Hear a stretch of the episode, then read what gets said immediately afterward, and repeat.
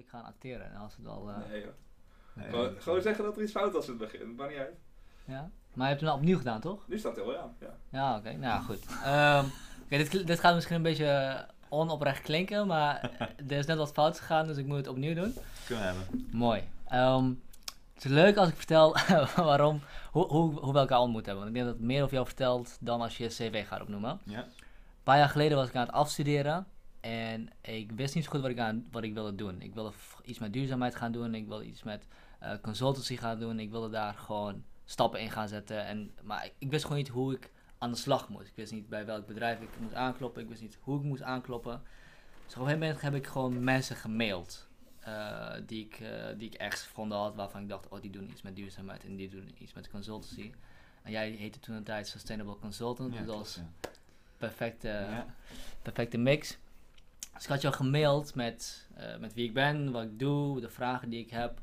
eh, en of je mij wilde, eh, gewoon een keer met mij wilde praten in ruil van een kop koffie. Nou, je reageerde. Dat was al heel wat. Sympathiek, ja. Sympathiek inderdaad. Dankjewel daarvoor. En toen hebben we in Utrecht daarover gepraat. En wat ik het meest herinner is dat ik, dat ik de vraag had: hoe kom je bij bedrijven binnen als filosoof, als antropoloog en dergelijke? Hoe verkoop je jezelf? Mm. Wat, wat heb je in godsnaam, wat is in godsnaam je sales pitch? Ja. En wat ik me herinner is dat je eigenlijk best wel een beetje schouderophalend zoiets had van ja, je, ja, je, je belt aan, je klopt aan en je vertelt wat je doet Ja. en wie je bent en Ja. je staat er een beetje voor en op een gegeven moment is er, zijn er mensen die dat interessant vinden en zo kom je verder. Ja. En ehm, toen een tijd dacht ik, wist ik niet of ik daar veel aan ging hebben. Ik vond het sowieso wel vet dat je, me, dat, je me, dat je me dat vertelde, maar ik wist niet zo goed of ik daar wat aan ging hebben. Nee. Nu terugkijkend, zie ik eigenlijk dat ik best wel dicht in de buurt gekomen ben van waar ik wilde heen gaan. Cool. Ehm, en dat is leuk, want ik ben er eigenlijk ook vooral gekomen doordat ik met mensen ging praten en ging zeggen: hey, eh, ik kan dit, Ja. wellicht kan ik je ermee helpen. Ja. Eh, zullen we verder praten? Dus eh, je advies heeft twee jaar geduurd om, eh, om te, te, te, te, hoe noem je dat? te kristalliseren, maar het werkte wel. Ja. Dus eh, Vet. nou, laatst had ik je dus een mail gestuurd van hey, twee jaar geleden hebben we elkaar gesproken, dankjewel daarvoor. Ik zou je graag nog een keertje persoonlijk willen bedanken. Ja. En daaruit kwam het idee voort om je gewoon een keer uit te nodigen hier. Ja. Dus welkom Walter. Dankjewel. Leuk om hier te zijn. Vertel een beetje wat, wie je bent alsnog. Wat, en wat het is dat jij als antropoloog doet. Toch even mijn cv dan. Ja. Ehm, nou, ik ben antropoloog. En ehm, ik ben opgeleid als, eh, als cultureel antropoloog. Ik noem mezelf tegenwoordig eh, liever corporate antropoloog. Hm. Omdat ik... ehm, je kan heel ver weg exotisch eh, werk doen in het buitenland. Maar ik denk dat het ook waanzinnig interessant is om in Nederland... eh, of bij westerse organisaties en bedrijven te werken. Omdat daar ook hele gekke dingen gebeuren, gekke rituelen zijn. eh, dezelfde eh, dynamieken en principes die je all over the world ziet, zie je ook gewoon in, in, in onze eigen kantoorgebouwen. Eh, dus ik noem mezelf nu tegenwoordig eh, meer corporate antropoloog. Hm. Ehm, en antropologen die proberen te begrijpen waarom mensen doen wat ze doen. En dan niet zozeer vanuit een eh, psychologisch perspectief. Dus ik, ik kijk niet zozeer naar het individu, Hm. maar ik kijk veel meer naar wat er tussen mensen gebeurt. Dus cultuur zit tussen mensen. Dus wat gebeurt er nou? Dus als antro- antropoloog bestudeer je wat mensen doen, maar niet op psychologisch niveau, maar op cultureel niveau. Ja, ja dus, dus meer op. ehm, kijk, je kan aan een psycholoog vragen. Je kan aan een psycholoog ook vragen: van joh, kun je me vertellen waarom mensen doen wat ze doen? Hm. En dan krijg je een ander antwoord. En als je een antropoloog. Ik ga dat nu niet geven, want ik ben geen psycholoog. Maar Mhm. als je dat aan mij vraagt, dan zeg ik ja. Natuurlijk zit er een stukje in, jou, eh, in jouw DNA en in jouw geschiedenis. En, en dat is allemaal waar. Hm. En tegelijkertijd gebeurt er iets omdat jij in een bepaalde sociale groep zit. En wat er tussen mensen gebeurt, dat maakt eh, waardoor die groep doet wat hij doet. En waardoor je allerlei ongeschreven spelregels hebt. En waardoor je allerlei normen en waarden hebt eh, waar je aan voldoet of waar je niet aan voldoet. En dan is het, wordt het spannend, want wat, hoe, hoe gaat zo'n groep daar dan mee om? Dus, En- Eh, Is jouw werk dan onderzoeken wat die spelregels zijn per, per, eh, per, per groep? Of is het zo dat er wat vaststaande spelregels zijn die eh, in elke groep terugkomen ehm, als antropoloog? Ja, nou een beetje van beide. En dit is natuurlijk ook wel meteen het hoog over filosofische antwoord. Als je, het, he- als je het helemaal plat slaat wat ik doe, dan En dan kom ik zo meteen terug bij wat je net vroeg. Maar als je mij op plat slaat, dan ehm, begeleid ik organisaties, bedrijven eh, met cultuurvraagstukken.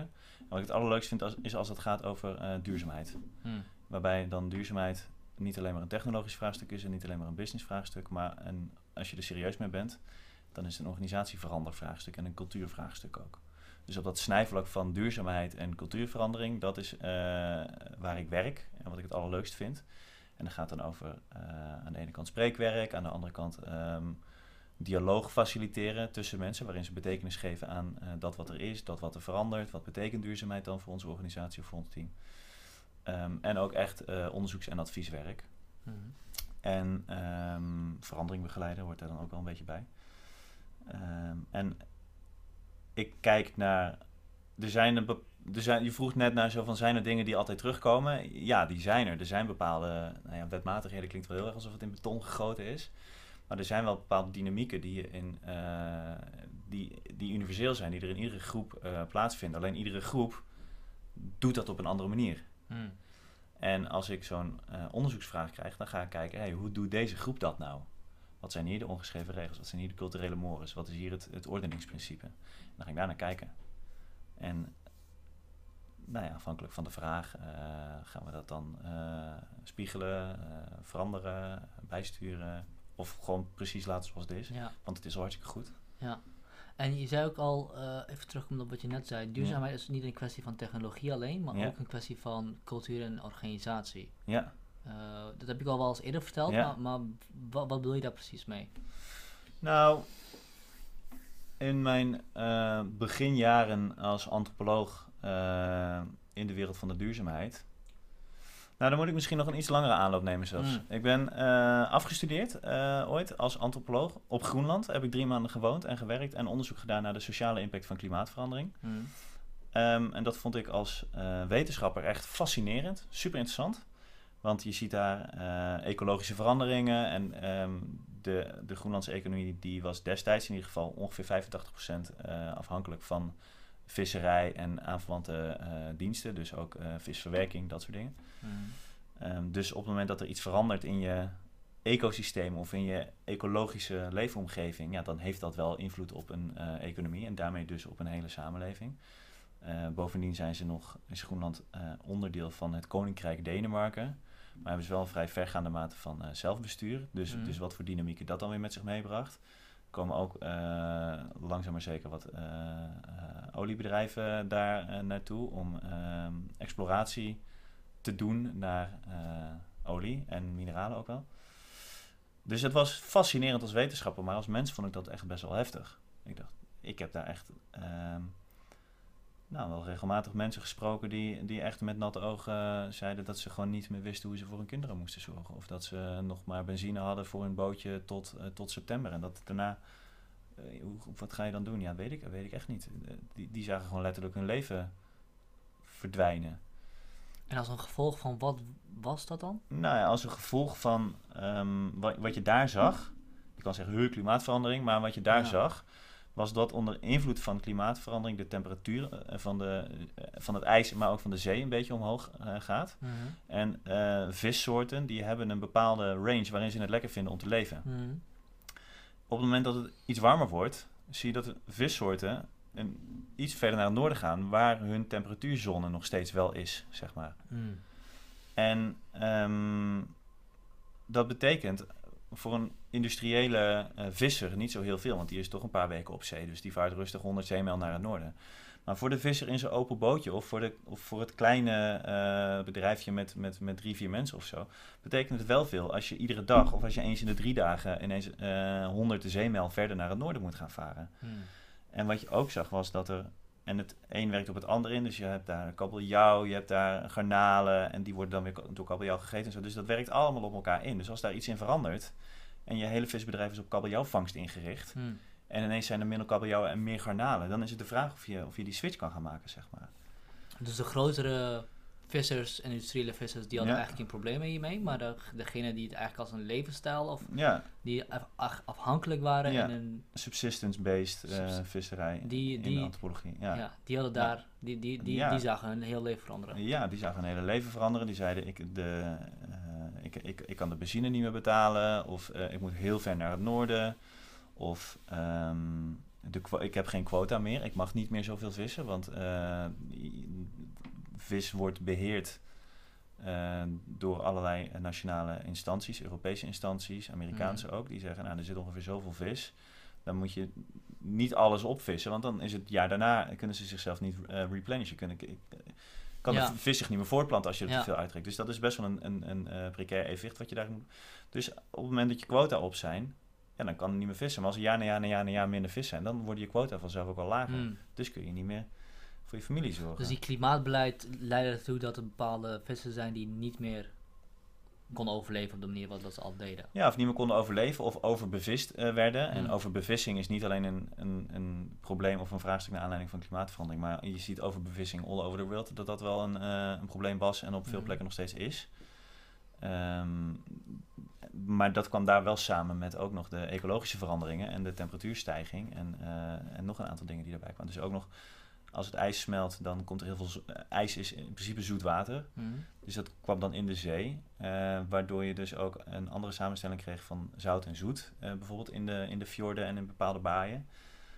Waardoor sommige vissen daar dus niet meer zo fijn konden leven, andere weer wel heel fijn. Dus dat bracht Mm. ook weer allerlei veranderingen met zich mee. Dus dat werkte allemaal op elkaar in.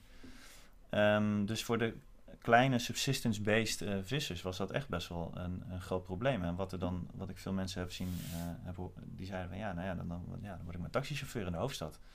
Maar die hoofdstad, dat was een, een stad van 15.000 mensen. Dus ja, dat is, op een gegeven moment zijn daar wel genoeg taxichauffeurs, zeg Mm. maar. 15.000 mensen is, eh, is 15.000 mensen Ja, maar ook ja, uiteindelijk. Dus dat is geen Amsterdam. Dat is ook geen, weet je, het is op een gegeven moment op. Dus, dus het verleden was aan het verdwijnen. Je zou zelfs kunnen zeggen in, in metaforische zin, het verleden smolt weg. Mhm. En de toekomst was er nog niet. En de toekomst die er een beetje om de hoek kon kijken, die was wel gebaseerd op olie en, eh, en mineralen. Die dus de, het proces van ecologische verandering en klimaatverandering nog eens een keer versnelt. Mhm. Dus nou, dat is wel lastig. En, en wat, wat daar dan bovendien nog bij kwam, was dat Denemarken, eh, of dat Denemarken, dat Groenland onder de Deense kroon valt, dus nog onderdeel is van het Koninkrijk Denemarken. Ehm, en dat ze graag onafhankelijk willen worden. Nou, dat, dat, dat snap ik. Eh, ik ken maar weinig eh, volkeren die eh, afhankelijk willen blijven van een, Mm. een, een weliswaar vriendelijke, maar toch wel koloniserende macht. Mhm. Ehm, en Denemarken zei, nou op zich is dat ook best wel een goed idee, vinden we prima, staan we positief tegenover. Maar dat betekent ook wel dat we niet meer, eh, destijds was het iets van een blok grant van iets van 60% van hun nationale eh, budget eh, gaven. Zeiden ze, dat gaan we dan ook niet meer doen. En we gaan ook niet nog aanvullende diensten zoals een, een defensiesysteem en justitie. En, dat gaan we ook Ja, niet meer doen. Dan moeten ja. jullie dat dan zelf gaan doen. Nou, zeiden ze, ja, ja, dat willen we wel. Ja, oké, maar dat moet dan wel betaald worden. Nou, eh, welkom tegen de, tegen, de olie, eh, tegen de olieboeren, zeg maar. eh Ja. Dus nou, dat allemaal bij elkaar. Als wetenschapper fascinerend, kan ik nog twee uur over Het is doorpraten. eigenlijk een, een, een, een, in een slangenkuil slangen gooien om, om het probleem te, pro- te proberen op te lossen. Ja, waarbij ik de vergelijking van slangen en oliebedrijven een beetje een spannende vind. Dus Oh, die ja, zou ik niet nee. willen maken. Maar ja, ja de, de, de verandering die... je zou kunnen zeggen kwaad met kwaad bestrijden. Ja. Eh, maar dat hangt een beetje af van je perspectief. Dus, eh, maar goed, nou ja, je, ja. Je, je, bespra- je bestrijdt het, probleem wat je nu hebt eh, met datgene wat de oorzaak is geweest van jouw probleem, ja, eigenlijk. ja, Ja. zo bezien. En wat was jouw rol als antropoloog daar?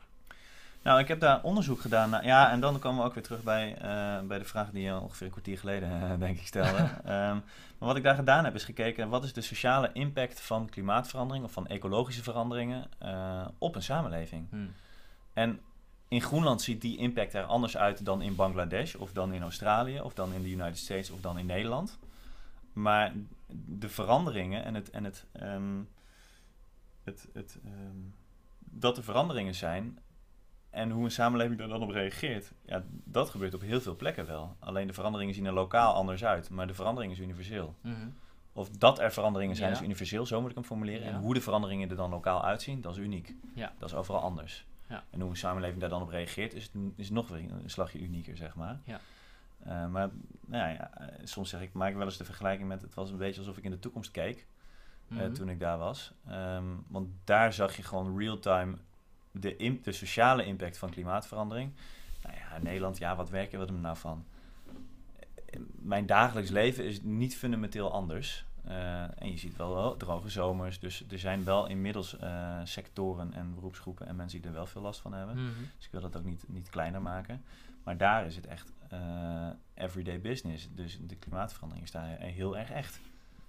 En hoe verhoudt dan eh, dat onderzoek wat je gedaan hebt naar Groenland Ja. zich tot de, tot de vraag, eh, duurzaamheid is vooral Ja. een kwestie van organisatie Ja. en cultuur. Exact. Nou, dat was de brug naar de vraag van een kwartier geleden. Ja. Dus dankjewel, super. Ehm, toen kwam ik terug in Nederland. Toen dacht Ja. ik, ja, oké, shit. We hebben best wel een groot probleem als, als wereld, zeg maar. Namelijk eh, eh, klimaatverandering. En dat is dan het probleem. Dan is het antwoord is dat we de dingen op een veel duurzamere manier moeten gaan aanpakken. Mhm. Maar ik was antropoloog en het was ook nog eh 2010. ehm, Mhm. Dus redelijk de piek van de financiële crisis. Ehm, dus ik had best wel moeite om een plek te vinden in, dat, in het veld van duurzaamheid. Want wat er gebeurde was dat mensen mij vroegen, joh, kun je rekenen? Ja, nee. Ja, maar dan, dan eh, kun je niet eh, de opbrengst van die windmolen op een bierveeltje uitrekenen. Nee, dat klopt. En je kan ook niet even de business case uittekenen. Nee, dat klopt ook. Maar wat kun je dan wel? Ja, daar ben ik heel erg in aan het zoeken geweest. Maar op een gegeven moment kwam ik een eh, model tegen. heeft een paar jaar geduurd hoor. Ah, ik, ik werkte voor. eh, het model laat ik nog heel even. Ik werkte voor eh, grote energiebedrijven. ehm, die een veel langere horizon hadden voor hun investeringen. Deed ik eh, marktonderzoeken voor bijvoorbeeld. Of eh, interne eh verandertrajecten. En hoe meer projecten ik deed, hoe meer ik ook zag. Verrek joh. Het gaat helemaal niet alleen maar over de technologische oplossingen. En het gaat niet alleen maar over de business case rond kunnen krijgen. En dat zag ik toen al gebeuren. En met de jaren kun je nu zeggen: oké, technologisch gezien kan er veel meer dan wat we doen. De business case kun je echt wel rondrekenen voor heel veel eh, eh, veranderingen. Maar we doen het niet. Dus waar zit dat dan in? En toen kwam ik een model tegen. Dat zei, ja, als je serieus bent met People, Planet, Profit, zoals Hoe dat... heet het model? Ja, het heeft niet echt een naam. Maar er was een conferentie van een eh, aantal wetenschappers. Eh, die hebben zich in Finland, eh, ik geloof een week of zo, in een conferentieoord opgesloten. Er waren heel veel beta-mensen, dus niet per se sociale wetenschappers, laat staan antropologen. En ehm, die zeiden, ja, als je nou met dat People, Planet, Profit bezig bent, voor, hoe verhoudt zich dan tot, tot cultuur? Want dat is zo belangrijk voor de manier waarop mensen dingen doen en de manier waarop we de wereld... Heb je wel eens een dagje niet aan cultuur gedaan, zeg maar? Mhm. Ehm, maar waar is dat dan? En toen zijn zij uiteindelijk met een model gekomen. Ze zeiden, ja, als je serieus bent met People, Planet, Profit... of met duurzaamheid, of met CSR... of met maatschappelijk verantwoord ondernemen... of met de Blue Economy, of geef de naam... dan ben je eigenlijk bezig met dat inbedden... in het fundament onder waarom een groep mensen doet wat die doet. En dat kun je cultuur noemen. Dus als je serieus bent met People, Planet, Profit of duurzaamheid... laat ik het gewoon even zo samenvatten... dan ben je bezig met een cultuurverandering. Mhm. Dus dan helpt het als je snapt hoe cultuur werkt. En als je ook weet hoe je het kan veranderen. Of dat je het kan veranderen, zit daar nog tussen natuurlijk. En hoe je dat dan kan veranderen. Dus toen vond ik als antropoloog eh, ehm, de plek in dat veld van eh, verduurzaming. En, en wat ik dan doe is organisaties en bedrijven eh, helpen en begeleiden in het eh, verduurzamen van hun bedrijf. En dat gaat niet alleen Ja. maar over de techniek, maar dat gaat over veel en veel en veel meer. Ja. Wat hier eigenlijk gebeurt is dat klimaatverandering niet meer de, eh, de oorzaak is of, eh, of, of het echte probleem, maar een symptoom is van een dieper liggend probleem. En dat is de manier waarop we met elkaar omgaan. Of de systemen die we opgebouwd hebben, of de culturen die we opgebouwd hebben. Kan ik het een beetje zo stellen? Mm, nee, ik denk dat klimaatverandering nog steeds wel het, het, het, het probleem is. Mhm. Ehm, en ik denk dat het moeilijk is om er een antwoord op te vinden. eh, om, om de redenen die jij eh, aangeeft. En ook om Mhm. de, wat je nu ziet. Ehm, het is ook een, er zit ook een ongelijkheid in de wereld. En die helpt niet in het oplossen van het, eh, van het klimaatvraagstuk. Mhm. Dus het is ook een verdelingsvraagstuk. Wie gaat zometeen de rekening betalen? Zijn dat, de, zijn dat de individuen? Zijn dat de huishoudens? Zijn dat de bedrijven? Zijn dat. De rijk. Dus, dus, dus, dus daar haakt dat ook weer op elkaar aan. En daar haakt het ook aan op de manier waarop onze samenleving op dit moment eh, werkt en Mm. is georganiseerd. Ja. De reden dat ik, dat ik het zeg, waarom ik denk dat het een symptoom is en, en niet, niet het kernprobleem, Mhm. is omdat ik me vaak afvraag waarom eh, een olie, olieplatform of een olieboormaatschappij doorgaat met wat, datgene wat het aan het doen is. Ja. En het kan niet zo zijn dat er alleen maar mensen wonen die, of mensen werken die eh, slecht voor ogen hebben of het niet boeien wat, wat er met de maatschappij gebeurt. Maar zij zitten in een systeem, in een cultuur waarin ze niet zomaar iets anders kunnen doen dan ze al doen. En ze worden op de, op de manieren beloond Ja. die eigenlijk eh, niet rekening houden met de schade dat ze aanrichten op datgene buiten. Ja. Dus dat is eigenlijk dat, dat, dat is waarom ik, waar- waarom ik die, die vraag stel. Is het dan niet een symptoom in plaats van het kernprobleem? En het kernprobleem is de, de culturele instellingen die we hebben in bedrijven. Ja, dan ga je eigenlijk een soort van hiërarchie aanbrengen in wat is een groter probleem, zeg maar. En Ja. ehm, Nou, over het causale verband. ja, het causale verband. Ja, nou ja, ik denk wel dat klimaatverandering een gevolg is van de manier waarop. Ja, nou ja, wat dat betreft heb je misschien wel gelijk. De manier. Onze samenleving is nu ingericht op, op lineaire groei. Hmm. Op de, vanuit het idee dat er oneindig beschikbare eh, grondstoffen zijn. Ja. Ja, dat is niet zo. Ja. Zo simpel is het gewoon. Dus, dus wat dat betreft heb je misschien wel gelijk als je zegt, ja, als, als dat de, de, het ordeningsprincipe of het organiserende principe is van onze samenleving, ja, dan vloeit daar wel eh, iets, dan, dan is klimaatverandering daar wel een, eh, een gevolg van. Tegelijkertijd kun je zeggen, ja, weet je, in het verleden zijn er ook wel eh, ecologische veranderingen, hebben in de geschiedenis van de mensheid plaatsgevonden. Hmm. En ook nog voordat er mensen waren, waren er ook ecologische veranderingen. Dus En na de mensen zijn ze er ook. en na de mens zijn ze er ook, precies. Dus voor, voor- ja, hoe, hoe lang we hier nog hebben, dat weet niemand. Maar, eh, Nee, dus, dus in die zin, nou ja, ehm, eh, vind het moeilijk om te zeggen, oké, het een is belangrijker dan het ander. Of het een is, eh, Mhm. eh, komt voort uit het ander. En het een is een groter probleem dan het ander. Hmm. Maar ehm, het heeft absoluut wel, eh, het ligt heel erg dicht Ja, tegen elkaar dicht aan. elkaar ja, aan. klopt. Ja, Ja. ja, oké. En wat is jouw rol als antropoloog dan bij, bij het veranderen van die people profit, planet, people planet profit Ja, me- gedachte? ja. Dus je hebt dat, eh, dat, die conferentie in Finland meegenomen, je hebt die, dat ik ben er niet geweest trouwens, hè? Nee, je hebt het meegenomen. Ja, precies. Dus Ik heb het rapport, ja, exact. het rapport. Ja, En ja. op een gegeven moment ging er een lichtje voor voor jou branden. Oké, dit is wat ik als antropoloog kan doen. Ja. ja, op het moment dat je zegt... we gaan serieus bezig met duurzaamheid in onze organisatie... of in onze voetbalclub of in ons, eh, weet ik veel... Mhm. Maakt niet, in, in ons gezin, in je vriendengroep, in je, in je buurtvereniging... het maakt niet uit. Als je met een groep mensen serieus bezig gaat met duurzaamheid... Hmm. ehm, dan ben je eigenlijk met een verandering bezig. Want je zegt, we gaan het anders doen dan dat we het deden. Mhm.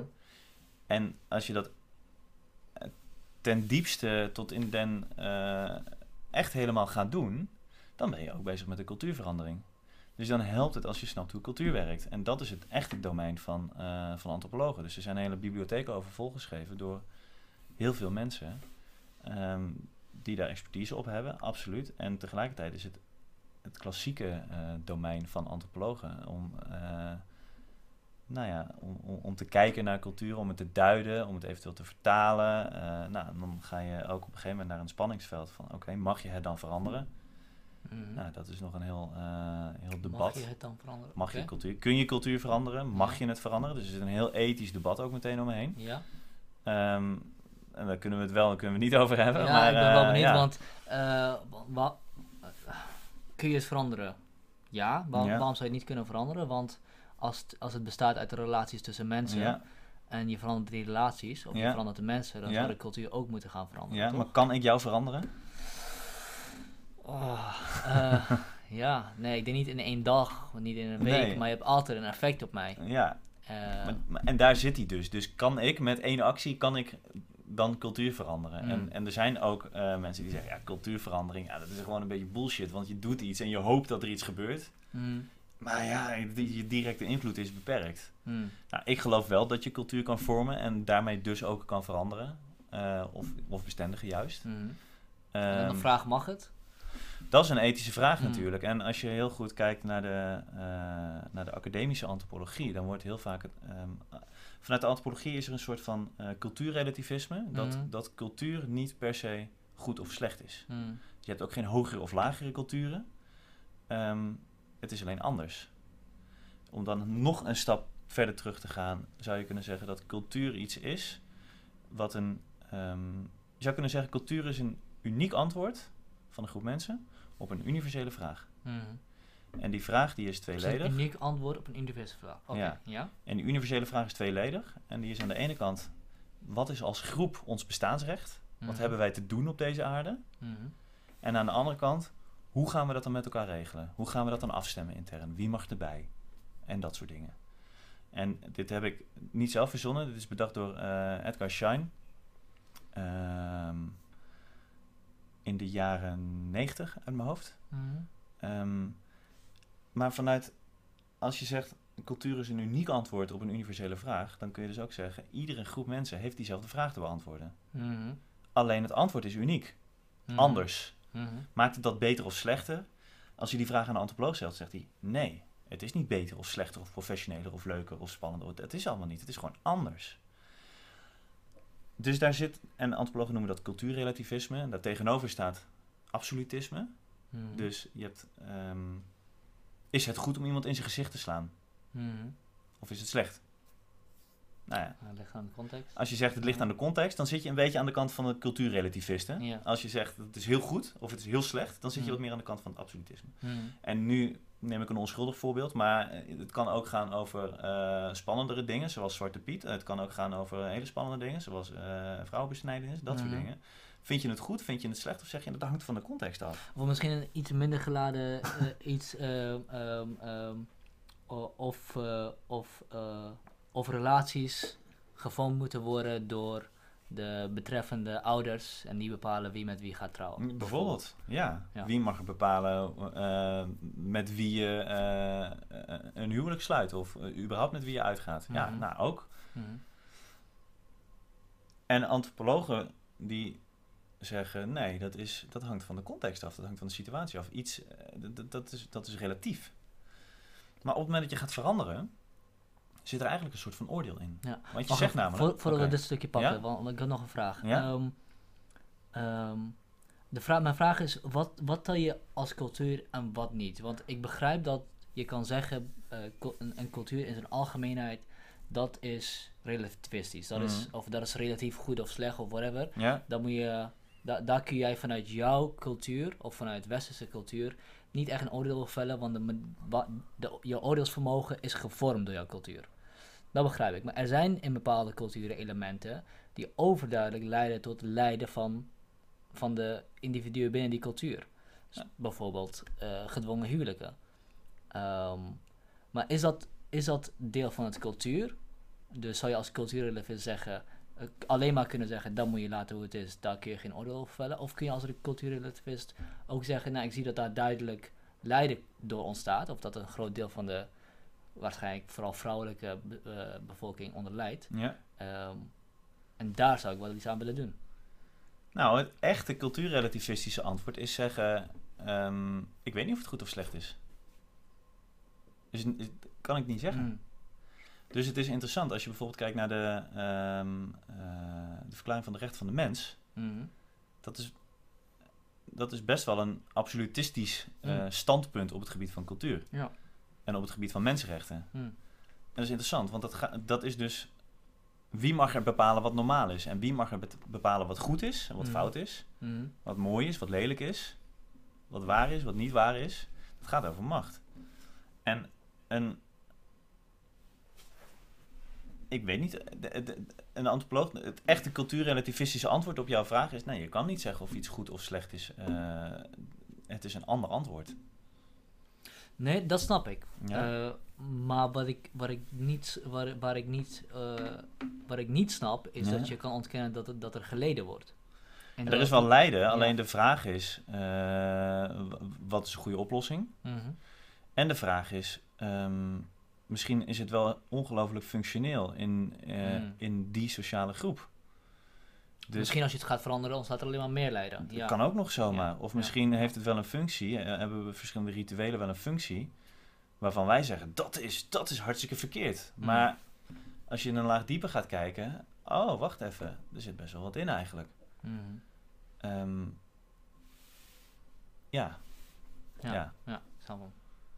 En dat is, en dat is natuurlijk een spanningsveld. Want op het moment dat je gaat veranderen, dan zit er een oordeel in. Want je zegt eigenlijk, eh, zoals het nu is, is het niet goed. Of het moet anders, het moet beter, het moet professioneler, het moet duurzamer. Dus daar, en ik geloof wel, ik, ik denk dat we iets te doen hebben in deze wereld. Ik denk dat klimaatverandering een vraagstuk is, of zo niet een probleem, wat we, waar we echt alle energie op moeten gaan zetten. Ik denk dat het de grote uitdaging van, van de komende eh, misschien wel eeuw is. Mhm. Ehm, dus ik geloof dat we moeten veranderen. Dus aan de ene kant ben ik best wel. eh, zit ik aan de relativistische kant. Ja, moeilijk om te oordelen over goed fout. En aan de andere kant vind ik echt wel iets van duurzaamheid. Of van klimaatverandering en van, van dat we dingen duurzamer moeten gaan doen. Ja.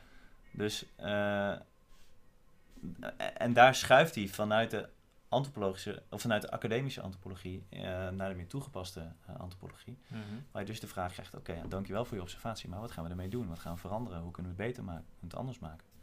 En daar zit dus wel een, een soort van eh, paradigma eh, stap of shift die, je die dan moet maken. Mhm, mhm.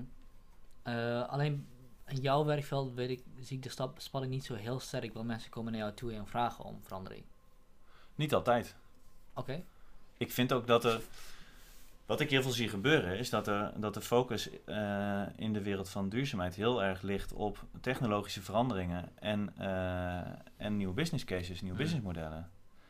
En dat is op zich ook belangrijk, dat, dat moet ook, maar dat is niet het enige wat moet. Sterker nog, dat is het begin. Dus als je echt door wil, als je echt serieus bent met duurzaamheid, dan moet je dat in je DNA verankeren. En dat hoor je nu wel steeds meer. En dat is een goed Mhm. ding, denk ik. Maar dan moet je het in je cultuur verankeren. En in cultuur is, is normen, waarden, ongeschreven regels. ehm, cultuur zit in gebouwen. Cultuur zit in hoe je gekleed eh, bent. Cultuur zit in beloningssystemen. Cultuur zit in eh, eh, of je met de auto of met de trein. Het zit in, in al die dingen zit cultuur. Mm. Dus op het moment dat je zegt, we zijn serieus met duurzaamheid, dan, dan en, we, en we doen wat technologische oplossingen. We hebben het huis geïsoleerd, of we hebben het kantoorpand geïsoleerd. En eh, we hebben ook afvalsortering doen we echt heel netjes. Ehm, we hebben ook nog zonnepanelen op ons eigen dak of op een bevriend bedrijfspand gelegd. Ja, nu zijn we klaar. Nee, dan begin je. Want hoe ga je al die andere dingen organiseren? En hoe ga je echt duurzaamheid in het DNA van je, van je organisatie krijgen? Dat is volgens mij de vraag en de uitdaging. En dat is ook mijn rol om daar bedrijven in te helpen. Mm. Alleen, ik vind vaak dat daar nog wel stappen verder in gemaakt kunnen worden dan dat een organisatie zelf eh, vindt. En dat is natuurlijk, heeft ook te maken met eh, budgetten. Dus hoeveel geld wil je in, eh, in zo'n verandering stoppen? Mhm. Geloof je ook in dat, eh, dat je cultuur kan veranderen en dat dit dan een goede methode is? Dus, dus daar zitten we omheen. Maar, dus het is niet een walk in the park om even cultuur te gaan. Sterker nog, cultuur veranderen is een van de taaiste vraagstukken die, die er Ja, want je zit natuurlijk met allerlei verankerde patronen, Ja. met i- ideeën wat mensen hebben, Ja. allerlei machtsverhoudingen die daar Ja. spelen. Je, je, je- eerder in het gesprek was je ook enigszins eh, huiverig om te zeggen je kan cultuur veranderen, maar dat staat natuurlijk puur haaks op wat je, wat je aan het doen bent. Eh, jij bent cultuur aan het veranderen, Ja, of en, culturen aan het veranderen. En ik was niet per se huiverig over of je cultuur wel kan veranderen. Maar dat, is, nou ja, maar dat is wel een vraag die mensen stellen. Hmm. Eh, k- kun je, en ik sta ook best wel veel eh, voor zalen. Hmm. En dan vragen mensen, of die zeggen dan... eh, ja, eh, eh, ja, Walter, je kan cultuur helemaal niet veranderen. Dus wat, wat kom jij hier nou staan te vertellen? Hmm. Sterker nog, I don't do culture. Hmm. Ja, en dan zeg ik als antropoloog... Nou, volgens mij is wel, heb je wel eens een dagje niet aan cultuur gedaan. Ja. Wat, is, het antwoord daarop dan? Wat? Ja, dat is natuurlijk een beetje, eh, een beetje grinniken en een beetje van... Ja, nou, ja, ja, shit, ja, nee, eigenlijk niet. Hmm. Nou ja, alsjeblieft. alsjeblieft. ja, everybody does culture. Wake up. Ja, ja. En het is fantastisch. Cultuur is ook heel mooi. Hè? Cultuur heeft ook geregeld eh, ehm, dat je van tevoren al een soort van weet wat je kan verwachten in een bepaalde sociale context. Dus als je naar een congres gaat, dan weet je van tevoren ongeveer wat je aan moet trekken om erbij te horen. Mhm. En als je het verkeerd hebt aangetrokken, weet je dat ook meteen als je daar binnen loopt. Je, Mm. ah shit, ik ben een beetje underdressed. Of oeh, die stropdas die kan wel af. En eh, dat is niet nodig. En dat jasje gooi ik ook nonchalant even over een stoel. Want ik ben iets te formeel. Dus je weet dat meteen. Dus, dus nou, en dan kun je daarmee gaan spelen. Maar dat is, dat is allemaal al geregeld door cultuur. Ook de meeste congressen waar ik kom, zijn geen mensen naakt. Dat is al geregeld. Nee, niet. Oh, nou, laat maar dan. Maar dat is al geregeld. Je zou kunnen 's ochtends voor je, voor je kledingkast kunnen staan en denken, nou, ik doe vandaag gewoon eens een keertje niks aan. Dat zou kunnen. Mhm. Dat doen we niet. Dat doe Ah, ik ook niet. Ja, ik hoor nu al mensen denken van, eh, tuurlijk, doe je, tuurlijk Ja. doe je dat niet. Nee. Maar dat, dat is jou, precies het punt dat je wil, dat je wilt maken. Exact. Ja. En op het moment dat je zegt, tuurlijk, ja, de. Op het moment dat dat gezegd kan worden, dan zit je bij een culturele basisaanname. Ja. Ja. Dan ben je bij cultuur aan- aanbeland. Ja, vet. Eh, en veel van wat ik begrepen heb van wat jij doet, als ik het heel kort moet samenvatten, Ja. is primitieve verhoudingen, primitieve culturen toepassen op eh, corporate, corporate bedrijven. Nou, dat is spannend wat je nou zegt hoor. Want wat in, prim- in het woord primitief zit al eh, een flink oordeel. Zit Ja. al lading in ieder Ja. geval, precies. Dus ik zou liever zeggen ehm, tribale kennis, Mm. oude wijsheid. Want wat, we bestaan, we hebben een verleden. Mhm. En misschien zelfs wel, geloof ik, geloof ik in, zijn alle vraagstukken die we als mensen eh, nu voor ons hebben, zijn alles een keer voorbij gekomen in de geschiedenis. Dus misschien dat ze nu lokaal net even anders zijn, Mhm. maar hoe je je als samenleving aanpast eh, aan een veranderende eh, ecologische omstandigheden, Mhm. ja, dat hebben we al wel eens eerder meegemaakt als mensheid. Hmm. Bedoel je dat we de antwoorden ook al hebben gehad, of dat we de vragen hebben gehad en dat we nu opnieuw, opnieuw die vragen moeten stellen? Omdat nou, wij- in ieder geval hebben we de vragen gehad en we hebben er destijds antwoorden op gevonden, want we bestaan nog steeds. Hmm. Dus volgens mij kunnen we leren van wat we al weten. En ehm, kunnen we van. Is er heel veel te leren op het gebied van leiderschap? Is er heel veel te leren op het gebied van samenwerking? Is er heel veel te leren op het gebied van hoe je omgaat en hoe je, hoe je, hoe je volhoudbaar en duurzaam omgaat met je plek in de leefomgeving? Dus zijn er heel veel van dat soort lessen zijn er te leren voor organisaties van nu die eh, dat soort vragen hebben. En eh, als je een voorbeeld moet noemen van dingen die we, die we kunnen leren van bepaalde stappen. nou, even een andere vraag. Bedoel je onze eigen geschiedenis als, eh, als cultuur die in Nederland Ook ontwikkeld is? Of. all over de, kijk, van sommige dingen kun je wel leren en van andere dingen niet. Misschien dat je in Nieuw-Zeeland iets kan leren van hoe de mensen het daar eh 400 jaar geleden deden. Hmm? Misschien niet. Hmm. Maar als het wel zo is, laten we dat dan vooral doen. Ehm, dus ja, we kunnen dingen leren van hoe, de- hoe het in Nederland ging, maar we kunnen ook dingen leren van, van, van andere plekken in de wereld. Hoe onderhoud je goede handelsrelaties? Hmm. Hoe zorg je goed voor je eigen sociale systeem, voor jezelf, voor je familie en voor je dorp? Eh, nou, dat is onder andere door bijvoorbeeld niet je natuurlijke hulpbronnen uit te putten. Ehm, nou, dus op die manier, en, en dit is een beetje eh, hoog over natuurlijk, maar Mhm. eh, door op die manier te gaan kijken naar ehm, ehm, tribale lessen, oude wijsheid, is er echt wel veel te leren. Of bijvoorbeeld, ehm, ik begeleid ook regelmatig fusies. Nou, dat is lachen, want wat ik wel met enige regelmaat meemaak is eh, dat, eh, dat er, en dat is een beetje gechargeerd, Hmm. vergeef me, maar dat er ehm, op 1 oktober wordt gezegd, eh, jongens, jullie zijn gefuseerd. Is al aangekondigd een tijdje geleden, hebben jullie een mail over gehad. 1 oktober, we hebben een nieuw pand. Zou daar wel ook een nieuw logo laten maken door een bureau. Ehm, een nieuwe website natuurlijk, een nieuwe naam ook. Ehm, veel plezier, fusieorganisatie. Jullie zijn gefuseerd. Maar ja, Beste bruiloft ooit. Precies. Precies. Gaan die mensen dan ook meteen gezellig met elkaar samenwerken en zijn de processen allemaal al goed op elkaar afgestemd en vinden ze elkaar leuk? M- Moi, op zijn best. Ja. Dus exact het voorbeeld wat jij nou eh, geeft, als je de metafoor gebruikt van eh, een fusie is net een bruiloft of is net een, net een, net een huwelijk. En wat is er voor nodig om een goed huwelijk te hebben? Dan kun je echt wel een hoop eh, dingen leren van hoe we all over the world huwelijken sluiten. Hmm. Hoe doen we dat dan? En wat is er voor nodig? En als je daar iets dieper op ingaat dan? Ja? Nou ja, ehm, je moet elkaar ten eerste leren kennen. Hmm. Anders kun je... Dat is lastig trouwen, zeg maar. Hmm. Ehm, dus hoe... Ligt eraan in welke cultuur? Ligt er, nou ja, ligt eraan in welke omgeving. Dat is voor een deel waar. Dus, dus, en de vraag is, is dat dan een- het recept voor een heel succesvol huwelijk als je elkaar nog niet kent en wel gaat trouwen? Mhm. Dus dat is dan de volgende vraag. Maar je moet elkaar kennen. Nou, dat is spannend. Eh, als je elkaar ontmoet, dan, eh, dan worden... Vroeger pakte je dan je wapens. Want het kon, het kon heel leuk worden, maar het kon ook gevaarlijk Ja. zijn. Vraag tussendoor. Als je, als je de vraag al gaat stellen, is deze manier van huwelijk voeren succesvol? Of Ja. is dat een recept voor succes? Ja. ben je al een oordeel erin aan het vellen, toch? Een vraag aan het stellen. En wie bepaalt dan wat succesvol is? Hmm. Oké.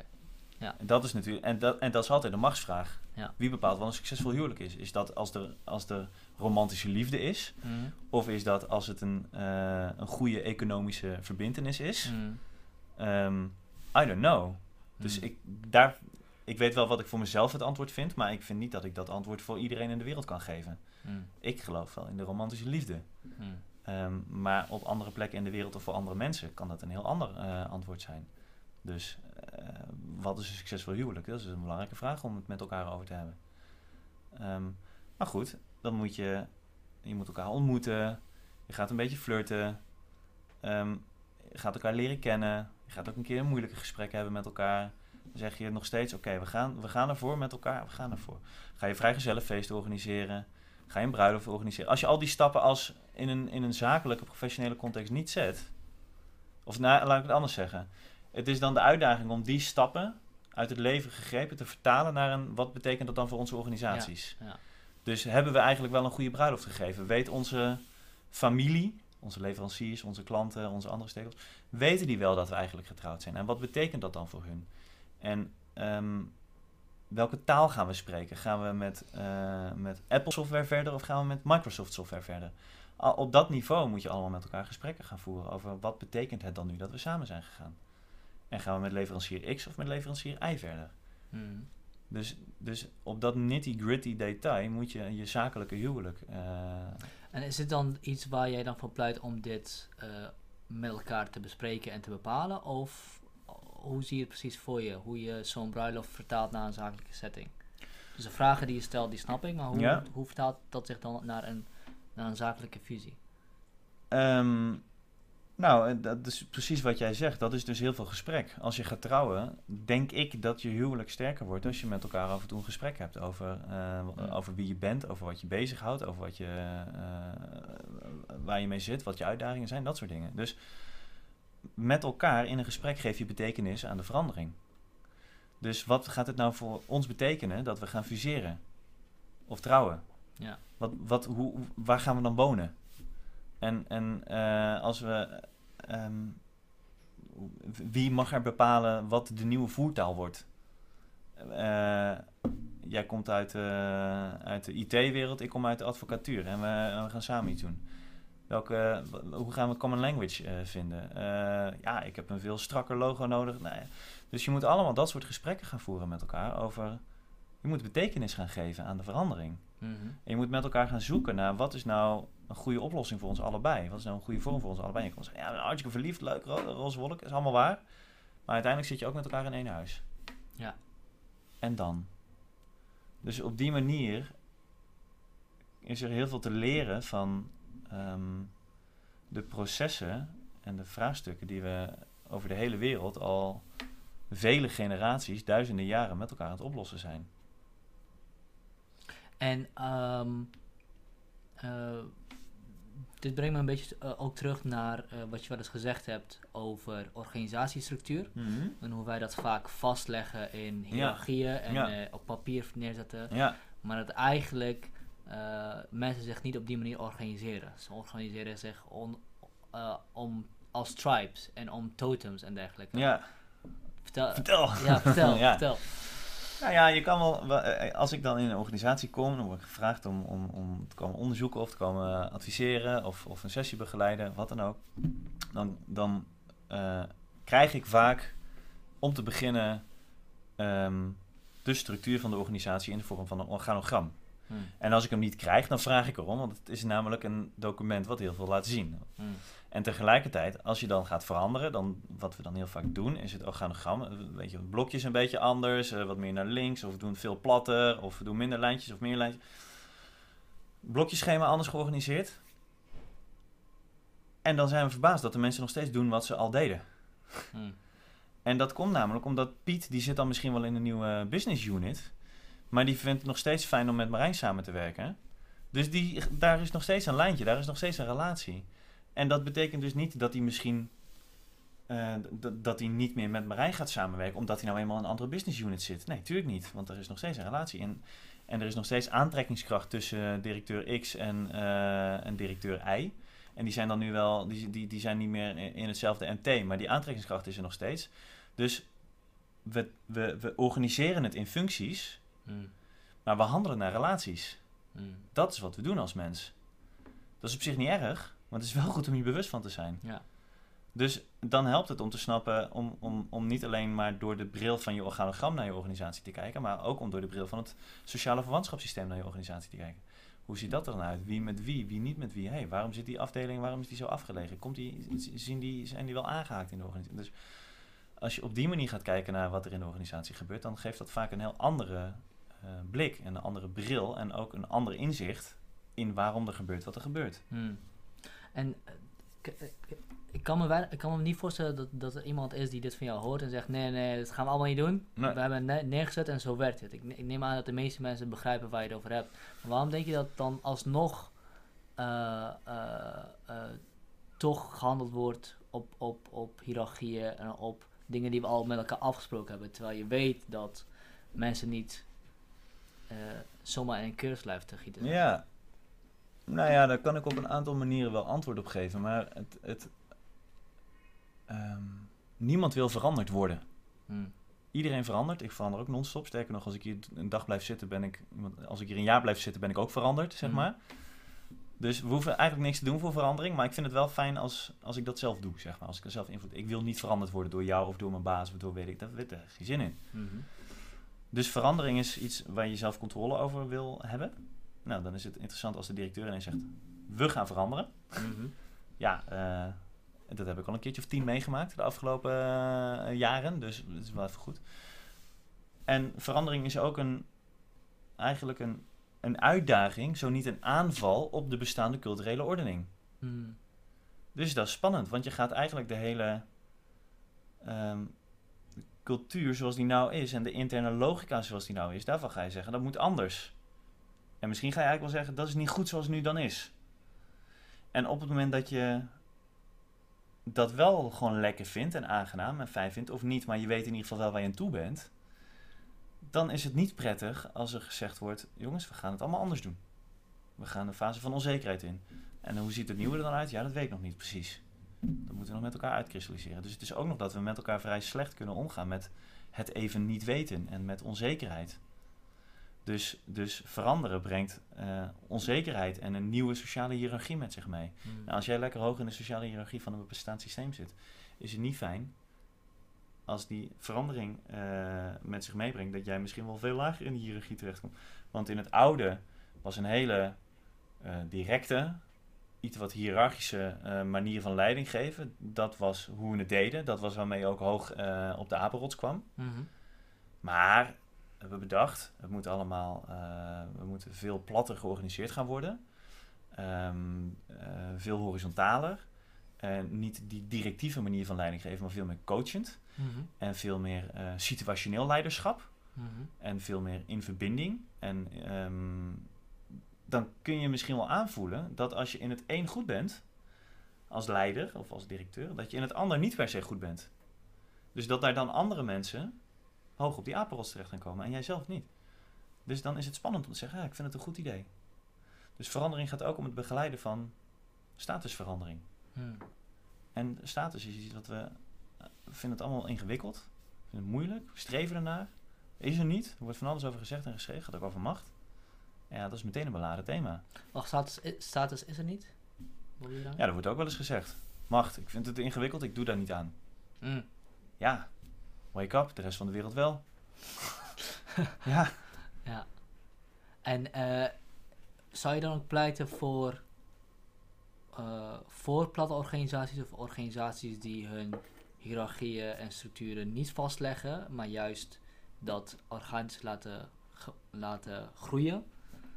Of hangt het af van de situatie zoals je eigenlijk al eerder al zei? dat hangt af van de situatie. En voor het een is het heel goed als het heel strak hiërarchisch directief is. Hè? Mm. En in een andere context is het helemaal niet handig.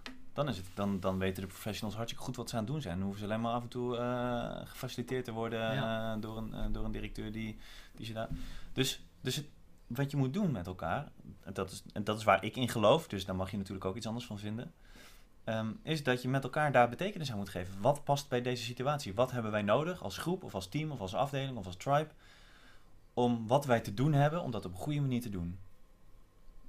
dat is waar je het gesprek met elkaar over moet hebben. En hoe, welke antwoorden je dan geeft, ja, die zijn dus altijd uniek. Hmm. Want dan kom je dus weer op het, op het stuk wat is cultuur? Dat is een uniek antwoord op een universele vraag. Wat gaan we doen? Hoe stemmen we dat met elkaar af? En zou je dan zeggen dat een deel van jouw werk eh, erin zit om eh, eh, tribe consciousness te creëren? Dat mensen bewust zijn van hun, van hun tribale relaties binnen een organisatie? Ja, misschien wel. Ik heb hem nog nooit op die manier geformuleerd. Maar dat vind ik op zich wel een grappige, grappige manier om, om te framen. Jason, kun je Ja. even trademarken? Ja, ja, want dat, dat lijkt je eigenlijk te zeggen, dat wat, hoe een organisatie nu of eh, traditioneel gemaakt wordt is, eh, er, is een er is een hiërarchie, het, zit op een bepaalde manier in elkaar. Jij komt daar binnen en je zit daarin en je hebt daar eigenlijk verder niks over te zeggen. Je kan je daar een beetje in bewegen. Ehm, en er wordt, de relaties en menselijke relaties die daar opgebouwd worden, die zijn eigenlijk niet, eh, die worden niet meegenomen in zo'n organisatie. Dus niet per se. En lij- lijkt eigenlijk, te- wat je lijkt te doen is aandacht te vragen en bewustzijn te creëren voor die intermenselijke relaties en die cultuur die wellicht buiten die organogram ontstaat. ja, vanuit de vraag, waarom gebeurt er niet wat we, wat we willen dat er gebeurt? Dus we hebben een organisatieverandering ingezet. Mm. Ehm, we willen dat, dat, het, eh, dat het allemaal, we vinden duurzaamheid heel belangrijk. En, ja, maar de mensen doen het niet. En terwijl we toch het hele organogram anders gestructureerd hebben. En we hebben zelfs eh, allerlei technologische oplossingen gedaan. Van alles gedaan, maar de mensen doen het niet. Dan zeg ik, ja, maar wat je aan het doen bent is een cultuurverandering. En cultuur zit tussen mensen. Dus zie je wel wat er tussen mensen gebeurt. Mm. Snap je wel hoe... Niet snap je wel, maar... eh, laat me je helpen je eigen eh, cultuurfoto te maken eigenlijk. Zodat je gaat begrijpen waarom er gebeurt wat er gebeurt. Want er is altijd een interne logica. Mm. Mensen, mensen doen niet zomaar iets. Er is altijd een interne logica. Dus ooit was het het antwoord, het culturele antwoord, was een logisch antwoord op, de op een situatie. Maar dat heeft zich genesteld in gebouwen en in wagenparken en in logo's en in allerlei ongeschreven regels. Dus cultuur manifesteert zich ook in fysieke verschijningsvorm. Mm. Maar als je twintig jaar verder bent, heb je misschien nog steeds wel dat pand. En nou, die auto's waarschijnlijk niet meer dan, maar goed, waarschijnlijk nog wel hetzelfde logo. Maar misschien is dat culturele antwoord wat je twintig jaar geleden gaf, helemaal niet passend meer bij de huidige situatie. Dus ooit was het logisch om heel directief aan te sturen of om een heel groot statig bedrijfspand te hebben waar iedereen lekker met de auto kon, veel parkeergelegenheid. Nu is- het, is het war on talent hartstikke moeilijk om, eh, om mensen aan je te binden. Dus is het veel logischer om een, eh, om een heel transparant, flexibel nieuw werkenconcept eh, op, een, op een centraal station te hebben. Maar ja, je hebt nog wel dat oude statige kantoorpand in de, in, in de bossen van weet ik veel waar. Ja. Dus op die manier ehm, is de interne logica was toen, gaf toen een goed antwoord. Nu niet meer. Maar dan helpt het wel als je, dan kun je niet zeggen, "Ah, ik vind het stom. Maar het helpt als je dan snapt waarom we toen deden wat we deden. Omdat je van daaruit ook kan gaan veranderen. En kan gaan snappen, oké, dan moeten we dit misschien gaan veranderen. Ik geloof niet dat ik, ehm, ik heb niet de wijsheid in pacht. Ik heb niet de waarheid in pacht. Dus ik kan hoogstens zeggen, kijk, dit is wat jullie doen qua cultuur. Mhm. Ik heb daar niet per se een oordeel. Kijk even in de spiegel. Mhm. Dat is niet altijd leuk. Ik vind het zelf ook niet altijd leuk om in de spiegel te kijken. Dat is soms best wel confronterend. Ehm beetje een boer met kiespijn, soms ook. Mhm. Dit is wat jullie doen. Ben je er blij mee? Ja, ja, ja, shit, doen we dat nou echt zo? Ja, we vinden diversiteit heel belangrijk. Maar als we nou eens kijken hoe, hoe, hoeveel ruimte er echt is voor verschil. Moi. Oké. En dan is de vraag, oké, en nu?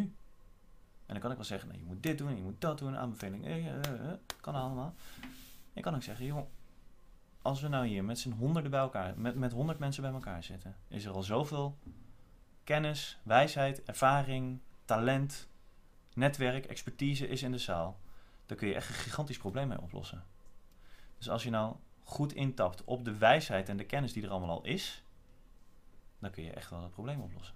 En alleen dan moet je wel daar een goede vorm voor vinden, zodat alles wat er in die organisatie al is, alles wat er in die groep mensen ook is, gebruikt kan worden om een goed besluit te gaan nemen. Te zeggen, oké, nou, als, als dit de situatie is, en we vinden eigenlijk dat het anders moet, dan kunnen we zelf ook wel de antwoorden langzaamaan gaan geven. Mhm. En natuurlijk helpt het om af en toe een klein, klein, klein stukje eh, kennis, psycho-educatie bij verandering noemen we dat wel eens, Mhm. eh, vanuit, vanuit de antropologie, vanuit hoe mensen eh, verandering doormaken. Als je dat ernaast legt, als je dat erbij geeft, Dus dat helpt wel. Maar mensen weten vaak heel goed wat er nodig is om, eh, om te veranderen. Absoluut. En jouw rol is daarin om te zorgen dat de kennis van onderaf ook naar boven komt naar de beslissende units in principe. Nou ja, misschien zou je zelfs kunnen zeggen, ja, ja. Waarbij ik onderaf en bovenaf eh, lastig vind, want daar zit, ehm, je zou kunnen zeggen, een directeur is ook onderdeel van de, van, Mm. van de tribe. Dus die is, en natuurlijk is er altijd macht. En, en, en one man, one vote doen we in organisaties meestal niet, want de ene stem is iets belangrijker dan de andere. Mhm. Dat is op zich ook oké. Ehm, maar het helpt wel als je met elkaar een beslissing neemt. waarin alle stemmen gehoord worden. waarin ook de stem van de minderheid gehoord is. Dus je kan wel zeggen: nou ja, zeven van de tien vinden dat we naar links moeten. We gaan naar links. Je kan ook kijken wat vinden nou die andere drie. En waarom vinden ze iets anders? En wat zit daar dan in? En kun je dat wel horen? En eh, ze snappen ook wel dat als zeven mensen vinden naar links, dat dan naar links gaan. Maar dan helpt het wel als je, als je ze hoort. Mhm. Als je sorry, you've lost your vote. Ja, we gaan toch iets anders doen. En soms kun je je meerderheidsbesluit verrijken met de wijsheid van de minderheid. Mhm. Heel vaak zelfs. En hoe zit hoe, wat bedoel je daarmee dan? Ehm. Nou, dit is het gedachtegoed van, de, eh, van, vanuit, van Deep Democracy. Dat is, een, Mhm. ehm, dat is ontstaan in Zuid-Afrika. eh, eh, ten tijde van de, toen de apartheid werd afgeschaft. En wat er toen gebeurde was dat de, de, de macht verschoof Mhm. van de, van de blanken naar de lokale bevolking. Mhm. Maar bijvoorbeeld om de. en dit is, dit is eh, begonnen door eh, Myrna Lewis. Zij is de grondlegger van, de, van deze methodiek. Ehm, en om de energiecentrales te blijven runnen, was de kennis van de blanke minderheid wel nodig. Maar de lokale zwarte bevolking, die had wel de macht. Alleen, en er waren heel veel spanningen. Die zich de, de, de decennia daarvoor hadden opgebouwd. Mhm. Maar die kennis was wel nodig. Dus hoe ga je daar dan op een goede manier mee om? Dus hoe hou je energiecentrale open terwijl je zelf in zo'n spanningsveld zit? Ja. Dus hoe kun je de wijsheid van een minderheid gebruiken? En hoe is dat in die specifieke situatie opgelost? Of hoe zijn ze dat aangevlogen? Nou ja, de- de- die kennis was nodig. Ja. Dus dan kun je er maar beter eh, gebruik van maken en daarnaar luisteren. Dus in heel veel organisaties, wat er gebeurt, is dat ehm, we moeten. We moeten van. ehm, ik, ik zoek even naar een goed voorbeeld. Dat, dat, Mm. dat helpt misschien. Ehm, eh, we moeten gaan eh, verduurzamen. Laten we Mm. gewoon een voorbeeld pakken wat dichtbij is. En vanaf nu moet iedereen met het openbaar vervoer. Dat is een hele duurzame maatregel. En je krijgt een, eh, een luxe NS, NS business card erbij. Ook nog eerste klas reizen, dan kan de financieel ook nog vanaf. Allemaal geregeld. En mensen gaan het, het is verzet. Niet leuk. Hoezo? eh, en een deel van de organisatie zegt best een goed idee. En een deel van de organisatie zegt, nee, dat is belachelijk. De directeur vindt dat helemaal. Mhm. Dan kun je zeggen, nee, ja, we gaan het toch doen. Dat is belangrijk. Duurzaam, nieuwe wereld, 21ste eeuw. Dat is belangrijk. En je kan zeggen, oké, waarom zijn er nou mensen in de organisatie die het niet een goed idee vinden? Wat zit daar voor wijsheid in? En dan blijkt dat de salesdirecteur die zegt, als ik met de trein ga, word ik niet eens serieus genomen door, mijn, eh, door, door de klanten eh, waar ik kom. Want ik moet gewoon met een grote auto voorkomen rijden, want dat zegt iets over mijn status.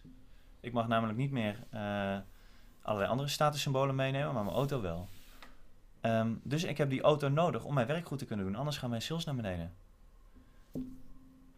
En als je op die manier gaat kijken, dan kun je zoeken naar een soort en-en oplossing. In plaats van naar een iedereen met openbaar vervoer, klaar, is belangrijk, gaan we doen. Mhm. Kijken naar, oké, hoe kunnen we nou gebruik maken van de wijsheid van de minderheid? En er zal iemand anders zijn die zegt, joh, ik heb die NS Business Card helemaal niet nodig, want ik woon op 4 kilometer afstand en ik ga veel liever met de fiets. Sterker nog, ik zou wel een elektrische fiets willen, want die kan ik ook privé gaan gebruiken. Als je had gezegd, nee, eh, meeste stemmen gelden, NS Business Card klaar. Dan had je niet die wijsheid van die, die meneer die op de fiets wil, die, die salesdirecteur die met de auto wil, ehm, dat, en, en nog andere voorbeelden, daar had je dan geen gebruik van kunnen maken. Dus die stem van die minderheid, daarmee kun je een veel rijker besluit nemen. En als je er goed naar luistert, voorkom je ook allerlei gedoe, want mensen gaan zich gehoord voelen. Als mensen zich niet gehoord gaan voelen, dan, dan ehm, krijg je vaak allerlei vormen van sabotage en van gedoe. En dan gaat het al lang niet meer over waar het over lijkt te gaan. Dan gaat het over dat mensen zich Ja. gehoord voelen. Over dat gehoord voelen, je, je had ook eerder vandaag over dat, eh, die dialoogvorm wat je bedacht had. Ja, IJsvuur. ja, Eh, en dat is volgens mij een heel goede manier om een dialoog te faciliteren vanuit Ja. een eh, tribale gedachte. ja. Ja, ja, vind ik ook. Ja, leg maar even uit. Ja, cool. Ja, ehm, nou ja, Want dan komen we denken op een heel concreet iets Ja. over hoe, hoe pas je dit nou allemaal Ja. toe. Nou, je zou kunnen zeggen dat, dat cultuur ontstaat in interactie en besluitvorming. Mhm. Ehm, dus om cultuur te vormen, cultuur te veranderen, cultuur te bestendigen, helpt het om hele goede interactie te organiseren, hele goede dialogen. Eh, en de plek waar dat van oudsher gebeurt, is het kampvuur. Hm. Daar heb je met elkaar eh, betekenisgevende, zingevende gesprekken, die, die anders zijn dan, eh, schat, heb je de boodschap al gehaald? Hm. Dan gaat het veel meer over, eh, joh, hoe, hoe gaat het met je? En, en, en hoe kijk je naar de komende paar jaar? En, en dat soort gesprekken moet je dan gaan hebben. Dus ehm, om betekenis te geven aan een verandering heb je, en om cultuur te vormen, is het, helpt het om hele goede eh, dialogen te organiseren. En wat ik heb, eh, daar, daar zijn ook methodieken voor, die gebruiken. Deep Democracy is er eentje van. eh kampvuurgesprek, daar zitten, dat is een gespreksmodel wat we veel gebruiken. En wat ik daarbij heb ehm, eh, bedacht is dat eh, om heel zichtbaar te maken wat er in de wereld aan het gebeuren is, namelijk klimaatverandering, ecologische verandering, smeltend ijs op Groenland, ehm, heb ik een groot ijsblok eh, in een ruimte gezet Hm. bij wijze van kampvuur. Dus we hebben hele goede dialogen rond het kampvuur. Alleen het kampvuur is niet een kampvuur, maar een ijsblok. En dat ijsblok is ten tijde van het gesprek aan het smelten. Dus als we met elkaar niet in staat zijn om het goede handelingsperspectief eh, te vinden, in, in actie te komen, Hm. ja, dan hebben we aan het eind geen ijsblok meer. En in metaforische zin hebben we dan aan het eind eh, niet, een, niet een planeet waar het fijn wonen is. Hm. Laat ik het zo formuleren. Dus het, het, het ijsvuur is, is, is, een eh, her, herdenking van, van, van het kampvuur. Maar tegelijkertijd is het ook een symbool voor, het, voor de ecologische dreiging Ja. die, die niet te stoppen valt. Exact, het is een metafoor voor, eh, voor een kampvuur en het is een metafoor voor ecologische verandering. Die hopelijk wel, eh, nou te stoppen misschien niet, maar wel waar we ons aan, eh, aan kunnen aanpassen en eh, waar we wel actie in kunnen En ook wat je eerder zei in het gesprek komt ook terug. Leuk die inzichten, maar wat gaan we ermee doen? Ja, en nu? En nu? Wat Ja. betekent dit voor ons? En dan kan ik wel weer van, van, van buiten zeggen, nou dat betekent dit en dit en dit en dit. Maar een verandering is veel sterker als mensen het zelf gaan verzinnen. Dus als we met elkaar betekenis geven aan, oké, dan moeten we misschien met elkaar eh, eh, wel, wel met de trein en onze eh, NS Business Card naar ons werk gaan. Of moeten we misschien wel een dag in de week minder vlees eten? Of ja, moeten we al die pleziertripjes maar niet meer doen? Dus voor iedere groep mensen, hoe groot of hoe klein, dat kan voor je gezin zijn, voor je voetbalclub, voor de bridgevereniging of voor je organisatie in je multinational, moet je betekenis gaan geven en moet je gaan laden wat, wat duurzaamheid betekent. Dus in organisaties wordt heel vaak gezegd duurzaamheid kernwaarde. Nou, dat is mooi. Maar het betekent iets anders voor de mensen van de productieafdeling dan voor de mensen van marketing en sales. Hm. En duurzaamheid betekent ook echt iets anders voor de mensen ehm, eh, in, in de board of voor mensen van inkoop.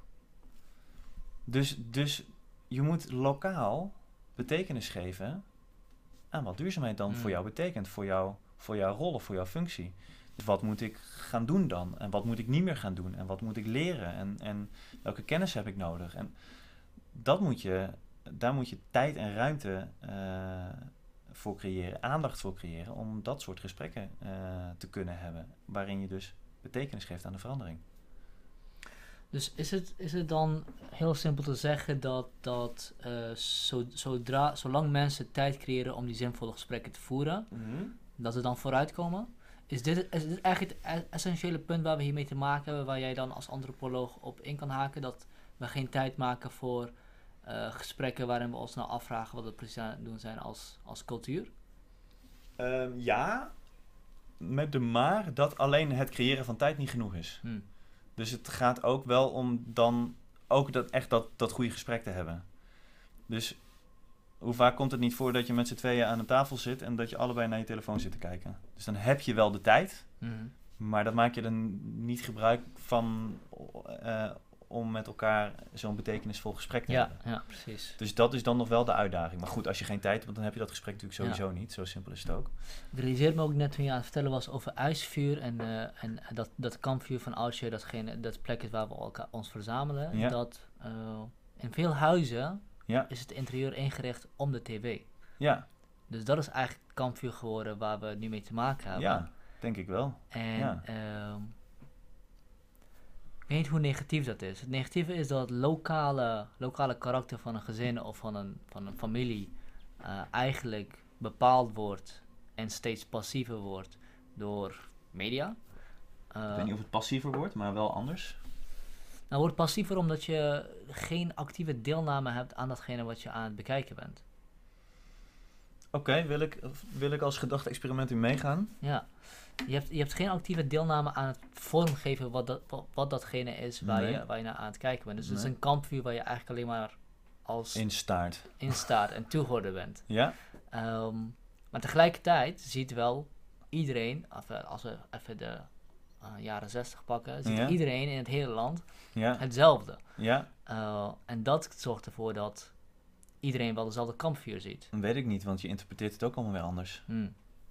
De ene zegt klimaatverandering is een ecologisch vraagstuk. De volgende die zegt eh, nee, het is economisch. De volgende zegt nee joh, het is een kwestie van cultuur. Weer iemand zegt nee, want het is een verdelingsvraagstuk. Hmm. Je kijkt allemaal naar hetzelfde. Hey, zet zet zo'n ding op tafel, wat zie jij? Hmm. Ik zie zilver. Zeg, nee man, dat is aluminium. Oh, oké.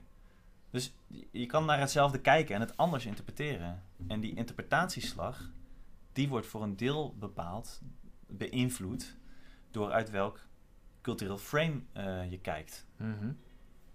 En mijn punt zou dan zijn in dit geval dat, eh, dat die interpretatieslag dan wanneer eh, huizen en families en eh, weet ik veel wat dan ook steeds meer geordend zijn om die tv als kampvuur, Mhm. dat die interpretatieslag steeds verder beïnvloed wordt om hetzelfde frame te, te hebben. Dus we herhalen een leugen vaak genoeg en het wordt een waarheid. Ja, oké, ja. Eh, dus wat ik, wat, ik, wat ik eigenlijk zou willen zeggen is dat die interpretatieslagen of die manieren van interpretaties eh, steeds gelijker worden naarmate we, naarmate mensen steeds meer hetzelfde kijken. Ja, maar ik vraag me af of, of steeds meer mensen hetzelfde kijken.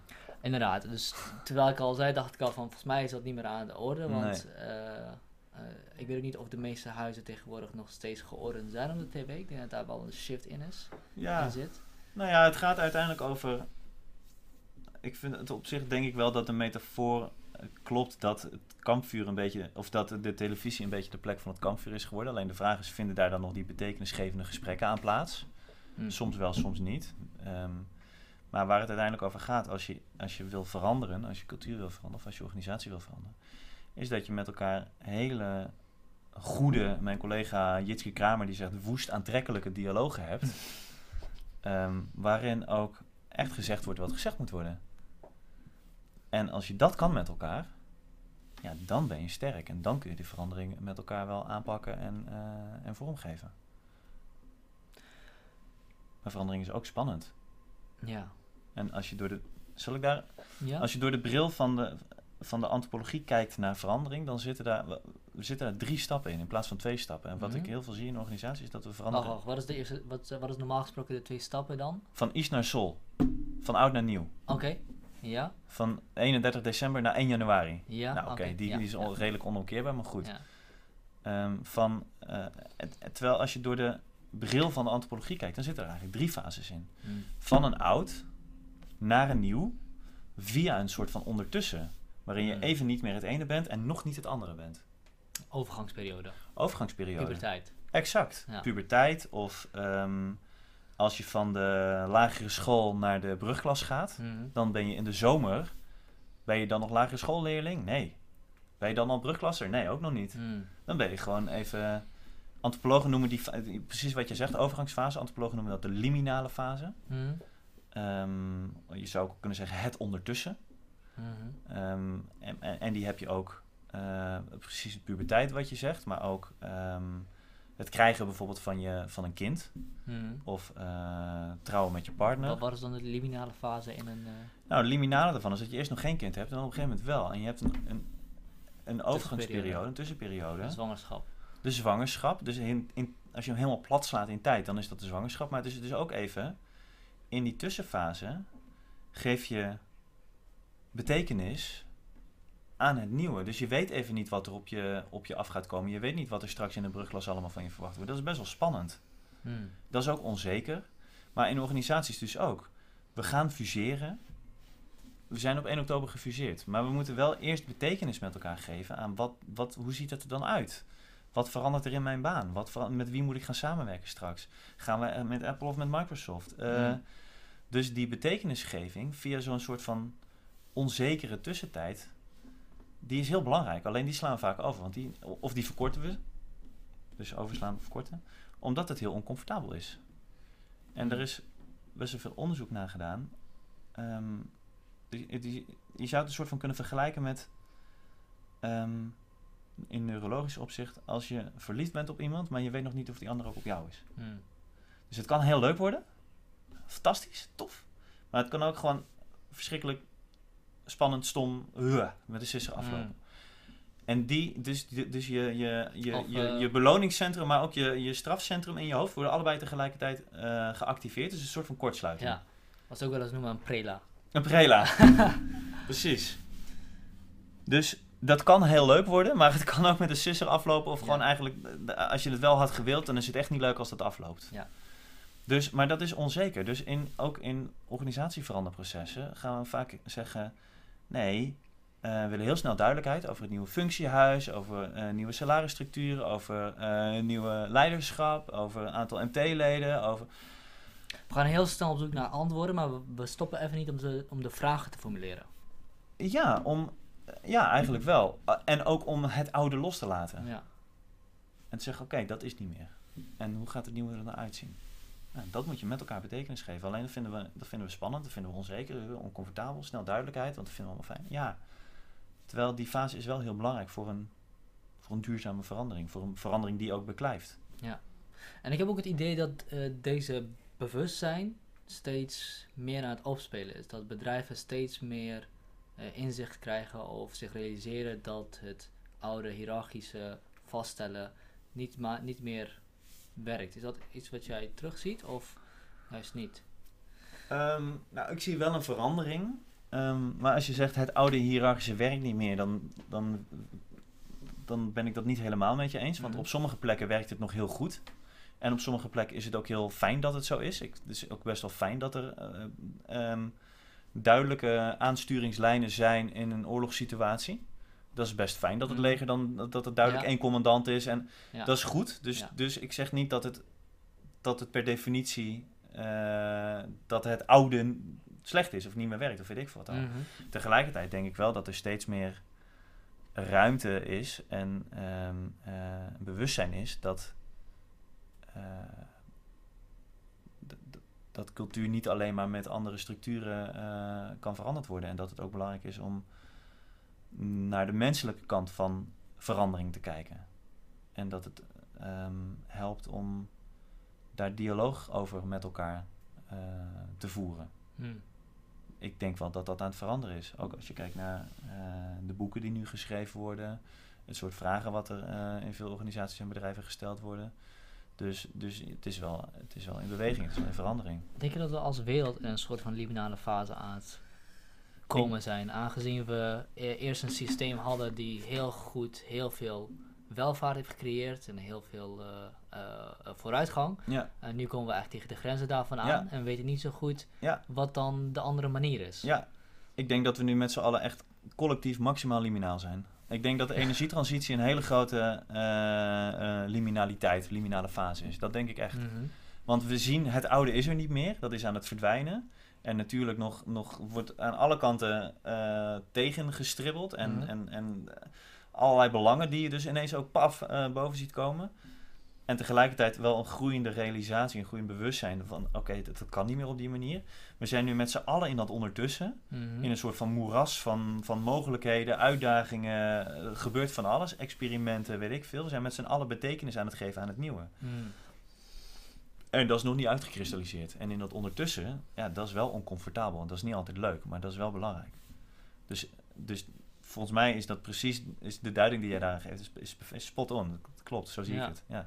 En zou je dat, dit wat jij nou met bedrijven aan het doen bent, zou je dat eh, eh, opschalen op nationaal globaal niveau?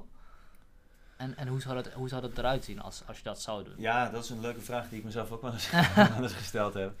Kijk, het, ik denk wel dat het. eh, ik denk dat er een cultuurverandering nodig is. En, en dat ehm, om een om duurzame, volhoudbare samenleving te bouwen, waarin, eh, waarin we een gezonde, heb, een gezonde relatie hebben, waarin mensen een gezonde relatie met elkaar hebben, maar ook met, eh, met hun natuurlijke leefomgeving. Mhm. Dus ik denk dat dat om een cultuurverandering vraagt. Ik vind het alleen lastig om te praten met de samenleving. Eh, Ik kan wel, ik kan makkelijker praten. Mijn, mijn werkeenheid, ik kan makkelijker praten met een team of een afdeling of een organisatie of een Ja. bedrijf. Ja. Ik vind het moeilijk om te praten met de samenleving Nederland. Mhm. En dan, eh, ja, dus, Dus dus staan met de wereld. laat staan met de wereld. Ja. Ook als je, als je aan mij vraagt, wa- wat is nou de cultuur van Nederland? Ja, zeg het maar. You tell me. Dat is waar al die gesprekken nu op dit moment, of nou ja, gesprekken, dat is dan een vriendelijke... voor, Debat. dat is waar een stevig debat over wordt gevoerd, Ja. wat niet altijd vriendschappelijk is. Dat is ook wat er nu in Frankrijk aan het gebeuren is met de gele hesjes. Ja. Eh, Wat is, wat is de cultuur van Frankrijk? Hoe vinden we dat onze samenleving zou moeten organiseren? Dus dat gaat ook over wie bepaalt hier wat normaal is en wie bepaalt hier hoe, eh, hoe de middelen verdeeld worden. Mhm. Eh, en wie bepaalt hier eh, wie moet opdraaien voor hogere benzineprijzen? Zou je denken dat wat in Frankrijk gebeurt eh, analoog is aan wat er in Groenland gebeurt is ten tijde van jouw studie? Of wat er nu aan de hand is in Frankrijk? Op welke manier zou dat analoog Nou, zijn? In Frankrijk zijn in principe nu ook heel veel mensen uit de onderklasse aan het op, opkomen. En eh, ze zien dat, hun, eh, dat zij eigenlijk de rekeningen moeten betalen voor, eh, voor, voor globalisering en klimaatverandering. Mhm. Denk ik tenminste. Ik, ben- ik zit er niet helemaal in, maar dat is volgens mij een beetje de stelling. Ja? En in Groenland zag jij dat de lokale vissers eigenlijk de prijs aan het betalen waren voor klimaatverandering. Ja. Ehm, en dat de industriële vissers daar niet de grote problemen mee hadden. ja, minder. Ja. Ja, Ja, ja de, ik denk dat tot zover gaat de parallel wel op. Alleen er was daar eh, de, de, de, de halve revolutie die je nu in Mm. Frankrijk ziet plaatsvinden, heb ik daar echt niet gezien. Nee, Ook niet nee. een klein beetje, Nee. gewoon niet. Dat Ja. heb ik daar niet gezien. Eh, maar ik denk wel dat het, eh, dat, dat, dat het een verbonden vraagstuk is. Het gaat namelijk ook over een verdelingsvraagstuk. Wie moet er gaan betalen voor de maatregelen die we als samenleving eh, moeten nemen om ons aan te passen aan een veranderend klimaat? Hmm, Wie moeten dat zijn? Zijn dat de gewone burgers, zoals jij en ik? hmm. Zijn dat de vermogende mensen? Zijn dat de bedrijven die nu veel ontzien worden? Ehm, wie moet dat gaan betalen? En volgens mij, wat je in Frankrijk een beetje ziet, maar dat is ook, ik zit er ook niet 100% in, maar wa- wat je daar volgens mij ziet, is ook een, een, een, een middenklasse die zegt: Ja, hallo, hoezo wordt die rekening bij ons neergelegd? Hmm, Dat is niet oké. Op een iets minder vriendelijke manier wordt dat dan gezegd. ja. Ehm, dus het is, ik, ik denk dat het klimaatvraagstuk, maar ook het migratievraagstuk, dat het uiteindelijk gaat over dat het een verdelingsvraagstuk is. Ja. Wie, wie, ja, Ja, en dat, dat, dat verdelingsvraagstuk is echt, wat mij betreft, ook echt een pervers probleem. Want er zijn op dit moment natuurlijk ook heel veel ontwikkelende landen die door een bevuilende industrie eh, veel, wel, veel welvaart kunnen creëren. En Ja. wat doe je daarmee? ja, Eh, wij hebben 10, 20 stappen gezet en Ja. na die 20ste da- za- zagen we, oh shit, de laatste 15 waren echt verschrikkelijk. ja, En nu zien we dat zij het ook willen doen. Wat zeg je dan? Zeg je dan, nou, Mag niet. mag niet? Of zeg je dan, ah, oké, jullie ook, maar daarna echt niet meer? Dat, dat is, ja, ik zou niet weten hoe je daarmee om moet gaan. Ja, ja Of dat moeten we daar ook een ijsvuur voor hebben? Moeten we daar een? Ja, nou ja, dat is denk ik wel heel goed. Nou ja, sterker nog, op dit moment vindt er in, eh, in Polen een soort ijsvuur plaats. Want daar is de eh, COP24, de, de klimaattop Mhm. eh, van de VN. Die vindt er daar op dit moment nu plaats, deze week. Dus de tweede week. Ehm, maar het is wel, dit is, dit is precies waar het over gaat. En dat is ook een van de redenen waarom het zo stroef gaat. Want ik... Het is een, dat, is een, dat, is dat is een duivels dilemma. Mm, En tegelijkertijd kun je, kun je, kan er op verschillende manieren naar kijken. Je kan zeggen, ja, wij hebben die stappen gezet, dus we kunnen dat iemand anders niet ontzeggen. Je kan ook zeggen, ja, wij hebben die stappen gezet, maar we voortschrijdend inzicht. Dus we zien eigenlijk dat het helemaal niet zo handig is eh, Ja. voor eh, de samenleving en de planeet. Dus jullie moeten dat eigenlijk niet doen.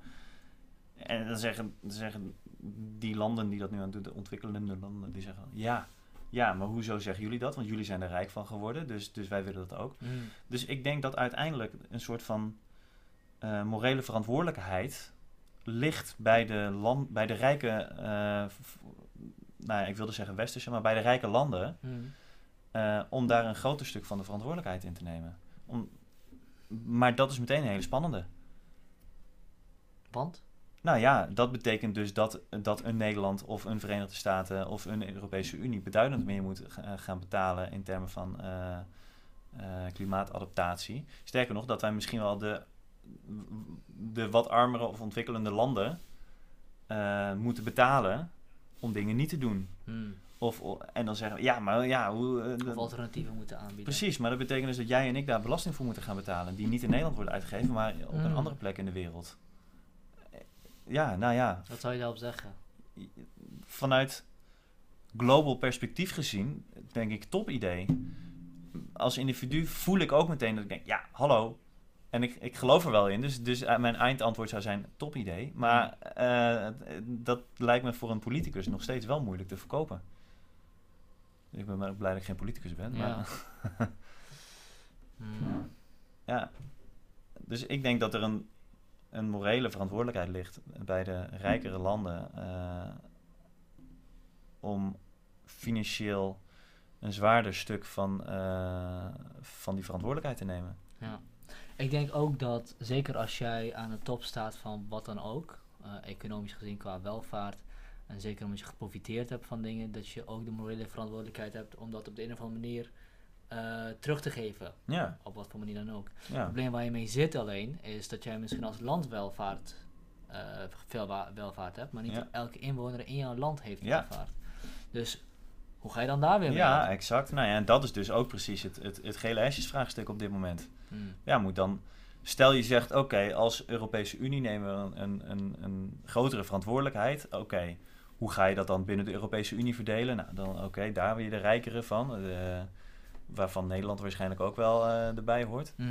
Nou, ga je kijken binnen Nederland. Hoe gaan we dat dan weer verdelen? Mhm.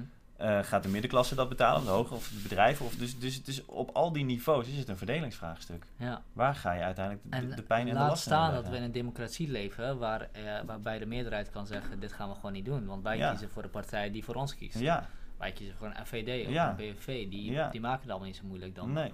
Nee, dan wordt hij helemaal spannend. Ja. Ja. Dus, ja. eh. Ehm, deze, deze vraag stelde ik namelijk René ten Bos ook Ja? al. Geeft deze klimaatprobleem, het klimaat, de klimaatverandering, geeft hij misschien de grenzen aan van wat we kunnen doen met democratie? Dus we zitten misschien in een liminale fase van het einde van, Ja. van naar een nieuw rechtsvorm die anders is dan een democratie. Ja, Of Misschien. misschien daar nog in komen. Moet ik even over nadenken, maar ik ga gewoon al pratend doen. Dus misschien, Ja. eh, misschien zeg ik wel echt domme dingen zometeen. Maar ehm, ik kan me voor...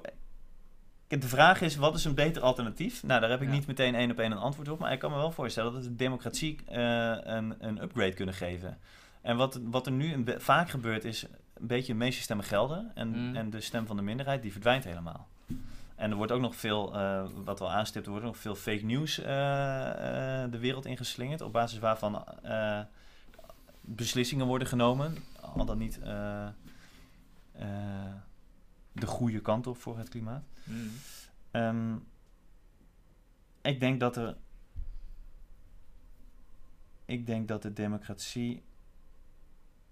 David van Rijbroek heeft er ook een mooi boek over geschreven. Ik weet even niet uit mijn hoofd hoe dat heet, maar dat is wel een mooi. Tegen verkiezingen heet dat volgens mij. Mm. Dat is wel mooi. En hij zei: democratie is, is, is. Er zit ook iets arbitrairs in.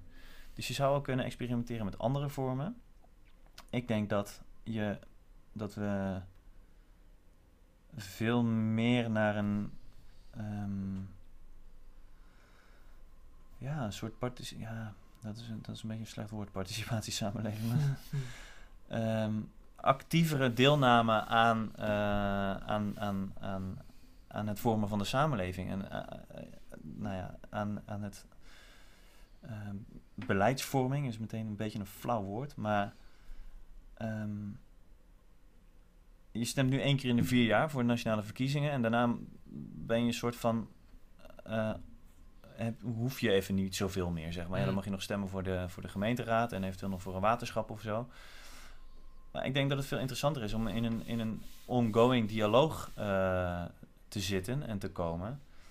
ehm, waarin je ook daadwerkelijk gaat luisteren naar stemmen die nu vaak niet gehoord worden. Aan in een zwijgende meerderheid, maar ook de, de linkse en de rechtse, eh, voor zover je daar nog van kan spreken, eh extreme. Ja. Ik denk dat, eh, dat, dat, dat er heel veel stemmen op dit moment niet gehoord worden. En wat je gaat doen als je stem niet gehoord wordt, is een oplopende vorm van, van sabotage. Mhm. Dus ik denk als je op die manier kijkt naar wat er in de samenleving aan het gebeuren is, of als je op die manier kijkt naar wat er in Frankrijk aan het gebeuren is, dan is het voor een deel ook gewoon een stem die niet gehoord wordt. Dan vind ik niet dat we per se altijd die stem ook moeten volgen, maar ik denk wel dat het helpend zou zijn om beter te luisteren Mm. naar wat zit daar nou, wat zit daar nou onder? Wat, wat, wat mag daar nou niet gezegd worden? Of wat wordt daar nou genegeerd? Of wat wordt daar nou niet gehoord? En hoe kunnen we. En, en dat is natuurlijk ook een soort van eh inclusievraagstuk. Naar Mm. welke stemmen ga je allemaal luisteren? En wie bepaalt wat normaal is? Wat voor tribale wijsheden zijn er voor Ja, dit man. vraagstuk? Um, Zijn voelde helemaal aankomen. Ja, nou ja, eh, ik- ik- eh, kijk, dat, dat, ik denk dat post-apartheid Zuid-Afrika wel een spannende eh, situatie is, Hmm. zeg maar. En ehm, daar is die, die vorm van deep democracy uitgekomen. Daar zijn ook bijvoorbeeld ehm, de, de, de, een kampvuurgesprek, de Godla. Eh, die, nog een keer? de Lek Godla. Wat is deze? Ja. Eh, dat is een dialoogvorm ehm, die ontwikkeld is eh, ook in Afrika, in ehm, volgens mij in Rwanda. Hm? Ehm, en nou, daar waren ook wat dingen gebeurd in de samenleving. afhankelijk van hoe je het klassificeert. genocide, volkerenmoord, in ieder geval veel, echt veel ellende. gingen veel mensen dood. Gingen veel mensen veel dood. mensen kapot gehakt. Precies. Ehm, en tegelijkertijd was er ook weer een moment dat mensen met elkaar in dezelfde samenleving woonden en toch ook weer een vorm moesten vinden om door te gaan. Hm. Dus dat soort eh, reconciliation eh, processen, waarin je toch weer met elkaar een vorm vindt om, om samen te leven. Ik denk dat we daar wel veel van kunnen leren. En die deep democracy is daar bijvoorbeeld uit voortgesproten. Ik denk Ja. dat we daar echt veel van kunnen leren. Maar hoe is dat in Rwanda dan gegaan? Hoe is, dat, hoe is die reconciliation dan tot stand gekomen? Nou, er zijn heel, ehm, hoe dat exact is gegaan, eh, dat weet ik niet. Maar wat daar, wat daar gebeurd is, is dat er heel veel dialoog is georganiseerd Hm. tussen slachtoffers, daders, daders die misschien wel slachtoffer waren en omgaan. Dus er is heel veel dialoog gevoerd eh, waarbij ook de dingen, ge- waarbij niet meer met wapens werd gesproken, maar met woorden. Hm. En waarin, En door wie werd het gefaciliteerd? Of weet je dat niet? eh, dat weet ik niet. Nee. Dat weet ik niet. En je, eh, eh, in de hele wereld, in, nou ja, goed, er zijn op wel meer plekken in Ja. de wereld dit soort echt nare dingen eh, gebeurd. Ehm, ik denk dat er wel veel te leren is van hoe daarna dat soort verzoeningsprocessen georganiseerd zijn. En, en daar zijn ook niet altijd dingen helemaal goed in gegaan, maar daar kunnen we ook van leren. Hm. En ehm, vormen die daarin goed helpen, die gaan uiteindelijk altijd over eh, luisteren naar de stem van de minderheid, dialoog organiseren, betekenis geven met elkaar. Eh, en nu weer verder. Dus je, kan, je moet er ook niet in blijven hangen. Het is ook goed om op een gegeven moment weer door te gaan. Ehm, ja. Dus eh, het gaat uiteindelijk over hoe je ehm, hoe je met elkaar verbinding creëert en hoe je met elkaar ge- optimaal gebruik maakt van de wijsheid die er in de, in de, in de tribe is of in je Hmm. organisatie. En dat gaat ook over hoeveel ruimte kun je geven aan verschillende meningen, ideeën, perspectieven. Dus hoeveel ruimte is er voor verschil? Mhm. En een beetje verschil, dat vinden we vaak wel leuk en dan noemen we dat innovatie. En heel veel verschil noemen we gewoon stom. Hm. Dus hoe goed kun je andere meningen er laten zijn? En, en of ga je meteen zeggen, eh, het zit anders. Is niet zo wat jij zegt. Leugen. Hm. Of is het... eh, dat kan zo zijn, weet je. Het Mm, kan echt leuk onwaarheid zijn, ja. maar het kan ook gewoon echt een, een oprecht andere perceptie op de werkelijkheid zijn. Ja. Eh, Dus hoeveel ruimte geef je aan verschil en hoeveel ruimte kun je creëren om het met elkaar even niet te weten? Niet meteen vast te leggen, zo zit het, dit is de waarheid, maar om het heel even fluïde te houden. met elkaar te kijken van wat, wat is er nou. En dat is verrekte moeilijk, vooral als het over hele spannende dingen gaat. En hoe spannender, hoe moeilijker. Hm. Want hoe sneller we de waarheid gaan claimen. Ja, hoe meer je ook nodig hebt, eh, hoe meer je die veiligheid ook nodig hebt. Ja. Ja. Want het is oncomfortabel om het even niet te weten, want misschien moet je dan straks wel je mening gaan aanpassen. Ja. Ja, shit. Ja, ja. Terugkomen naar die organisaties dan. Ehm, Ja. Als jij binnenkomt bij een organisatie als antropoloog, Mhm. dan eh, ga ik ervan uit dat je, of tenminste ik maak even de aanname dat je een bepaalde gedachtegang hebt om uit te zoeken hoe die organisatie als stam functioneert. Ja? Eh, en dat is misschien een andere manier van kijken naar de organisatie dan een bedrijfskundige die binnenkomt. Hm. Ja, dat denk ik ook. Ja, eh, hoe, hoe ziet die gedachtegang eruit? Of, of, of heb je daar niet expliciet iets of... Ehm, eh, nou ja, ik ga kijken naar. ehm, ik ga culturele rommeltjes verzamelen. Hmm, Dus alles is informatie. Alleen al hoe, hoe het eerste contact is verlopen. Ging dat per mail? Ging dat telefonisch? Hoe waren die mails? Eh, alles is informatie. Hoe ziet het bedrijfsplan eruit? Wat voor soort interactie is er tussen mensen? Allemaal dat soort dingen. Allemaal de, de culturele rommeltjes. Allemaal kijken zonder te oordelen. En proberen de interne logica te snappen. Hmm. Waarom doen mensen wat ze doen? Dus dat ehm, unieke antwoord op die universele vraag. Die universele vraag was tweeledig. Wat is ons bestaansrecht? En dat gaat dan over dingen als eh, missie, visie, ehm, strategie, middelen, resultaat meten, correctie. Dat soort dingen, daar gaat het over. En aan de andere kant, hoe regelen we dat met elkaar? Dus dan gaat het over eh, groepsgrenzen en structuur. Wie mag erbij, wie mag er niet bij? Eh, macht en status en hiërarchie.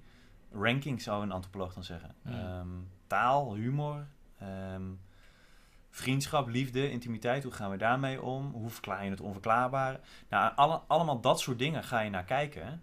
Hoe doet deze groep dat? En uiteindelijk komt daar een soort van ehm, cultuurbeeld of cultuurfoto uit. Waarbij een antropoloog... dan, dat is grounded theory. Dus dat is niet vanuit een dimensie of vanuit een model kijken naar, oh, het is een, eh, het is een hele professionele cultuur of eh, grote afstand tot Dat allemaal niet, maar heel erg kijken wat zit er in deze organisatie. Ehm, welk, welke, welke grounded theory kan ik hierop bouwen, zeg maar? Welke. Ja, ik zie een beetje vragen ja, kijken. ja. als je een voorbeeld zou moeten geven van een bedrijf wiens grounded theory je hebt bedacht, of eh, hebt uitgezocht. Wat, wat zou... ja, dan kan ik niet zoveel zeggen, want dat is altijd spannende informatie Ja, eh, eh, voor-. Is dat iets wat je opschrijft? Is het een verhaal wat je schrijft? Of Het is vaak een verhaal in, in, in woord en in beeld. Dus, dus dat model wat ik net zo, zo schetste, die ehm, eh, universele vraag en dat unieke antwoord. Ik ga dus dat unieke antwoord van die groep proberen te vinden. En dat Mhm. ga ik laten zien in, met beeld en met verhalen. Hmm, Met, met, met micro-stories, met vignetten van eh, Mhm. dingen die mensen gezegd hebben tegen elkaar, interacties die je hebt waargenomen of dingen die er juist niet zijn. Of dat soort dingen die heel tekenend zijn voor... Je gaat eigenlijk een soort van cultuurfoto maken. hmm. Een snapshot van de relatie tussen mensen. En ook dat wat er niet is. Dus dat is, dat is ook het ambacht. Dat is ook... Dat, dat, dat is een opleiding, dat is een universitaire Ja. opleiding. Dat kan je Ja. ook niet zomaar. Ja. Tegelijkertijd denk ik dat als je dat in iedereen een antropoloog schuilt. Dus in iedereen schuilt de nieuwsgierigheid om te snappen waarom doen mensen nou wat ze doen. En die, die culturele rommeltjes, die, die, hoe anders het, hoe- hoe meer anders het is dan wat je gewend bent, hoe scherper je dat vaak kan zien. Hmm. Ehm, dus dat ga ik allemaal bekijken. Dan ga ik daar een, soort van cultuurfoto van maken. Of een cultuurdiagnose of een cultuuranalyse. Of een- geef het een naam. Hmm. Eh, culture assessment. Ehm, en dan afhankelijk van de vraag eh, geef je dat terug met een presentatie of in een rapport of met een, eh, een theatershow. Bedenk iets. Ja, vet. En eh, eh, wat ik me dan voorstel is dat als je dan bij zo'n organisatie bezig bent en je bent eigenlijk een soort van aan, het onderzoeken, antropologisch veldwerk aan het Ja. doen, ehm, is daar een verschil tussen, tussen een bedrijf antropologisch te onderzoeken en een een of andere stam ergens in de Amazone antropologisch te onderzoeken? Fundamenteel gezien. Nee, fundamenteel gezien niet. Ja. Want je kijkt naar dezelfde dingen. Je gaat naar dezelfde.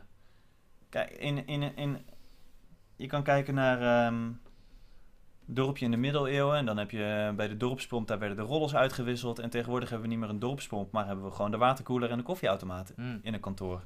Mm. En eh, in, de, de, in de steegjes, eh, daar gebeurden altijd eh, interessante dingen. En tegenwoordig noemen we dat gewoon in de wandelgangen. Mm.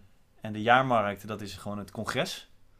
Dus als je op die manier gaat kijken, dan, dan zie je dezelfde soorten interacties, alleen in iets andere vorm. Maar je, je, je, kijkt nog steeds naar hetzelfde. Dus, dus dan, eh, dan ga je ook, nou, we doen toch wel wonderlijke dingen in eh, kantoorgebouwen.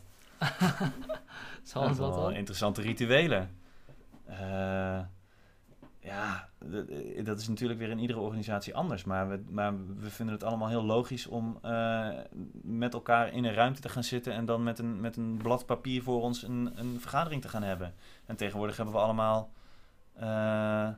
eh, tablets, telefoons en laptops. Eh kijken we elkaar niet eens meer aan. Mm. Als je dit zou vertellen tegen, tegen een tribe in het binnenland, van die zegt, hebben jullie zo je kampvuurgesprekken? Dat is gek. Mm. Het is, het is maar een vorm, hè? het is Mm. maar een manier. Dus ehm, het is een uniek antwoord op die universele vraag. Dan zijn we weer terug.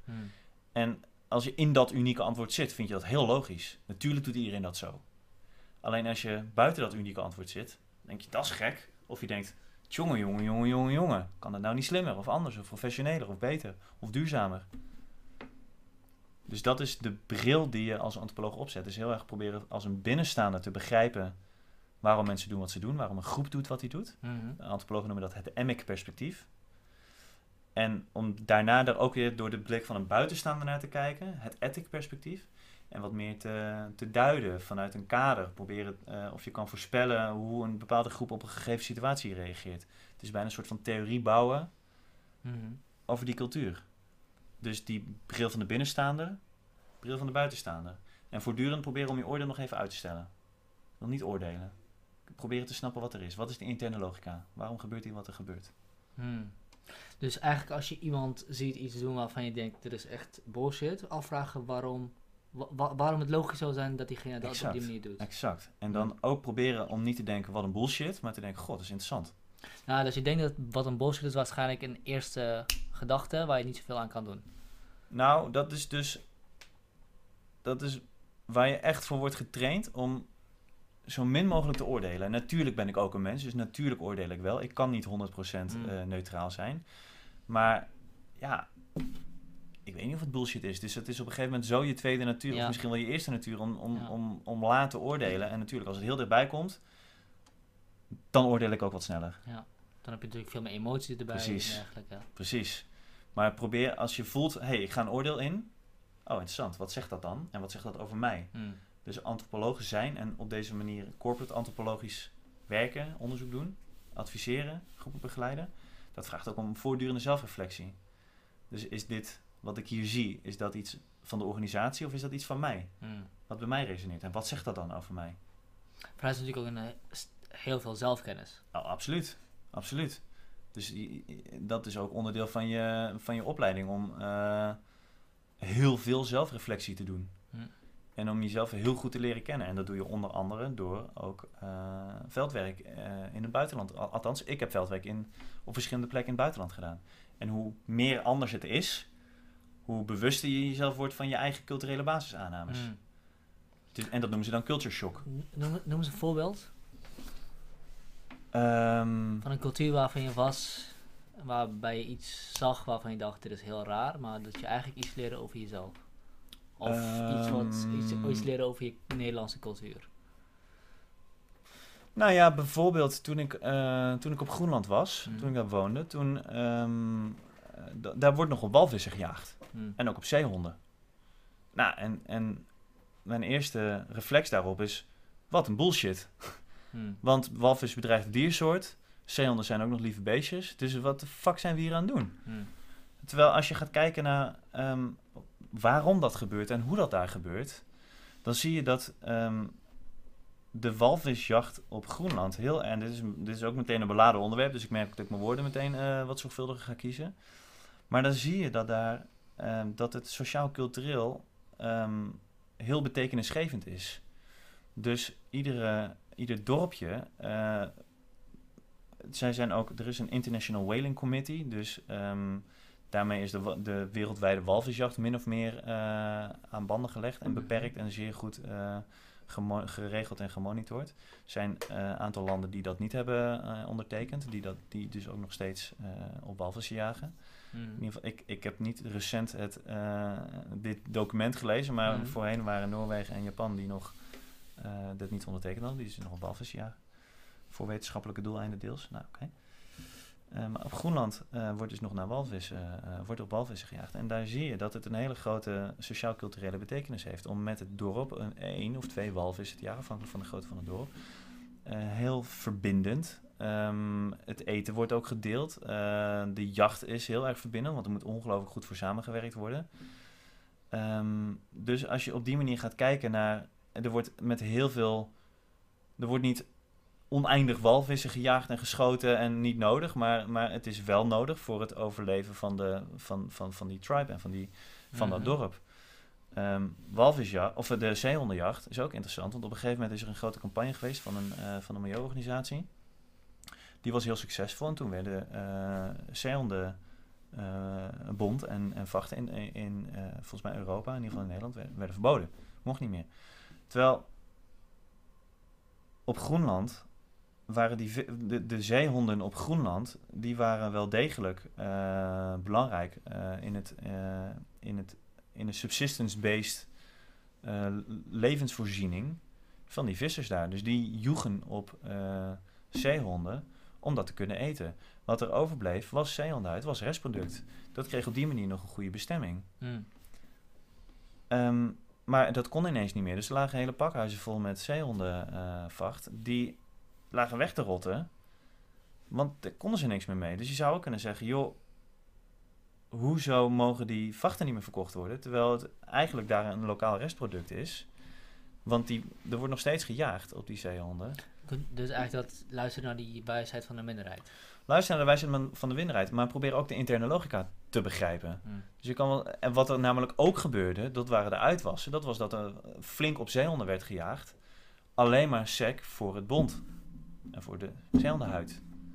En dan werden die karkassen werden gewoon ergens op het ijs nog eh, achtergelaten en gedropt. Ehm, dat waren de uitwassen ervan. En dat waren ook heel veel westerse bedrijven die dat op die manier deden. Mm. De Groenlanders deden dat niet op die manier.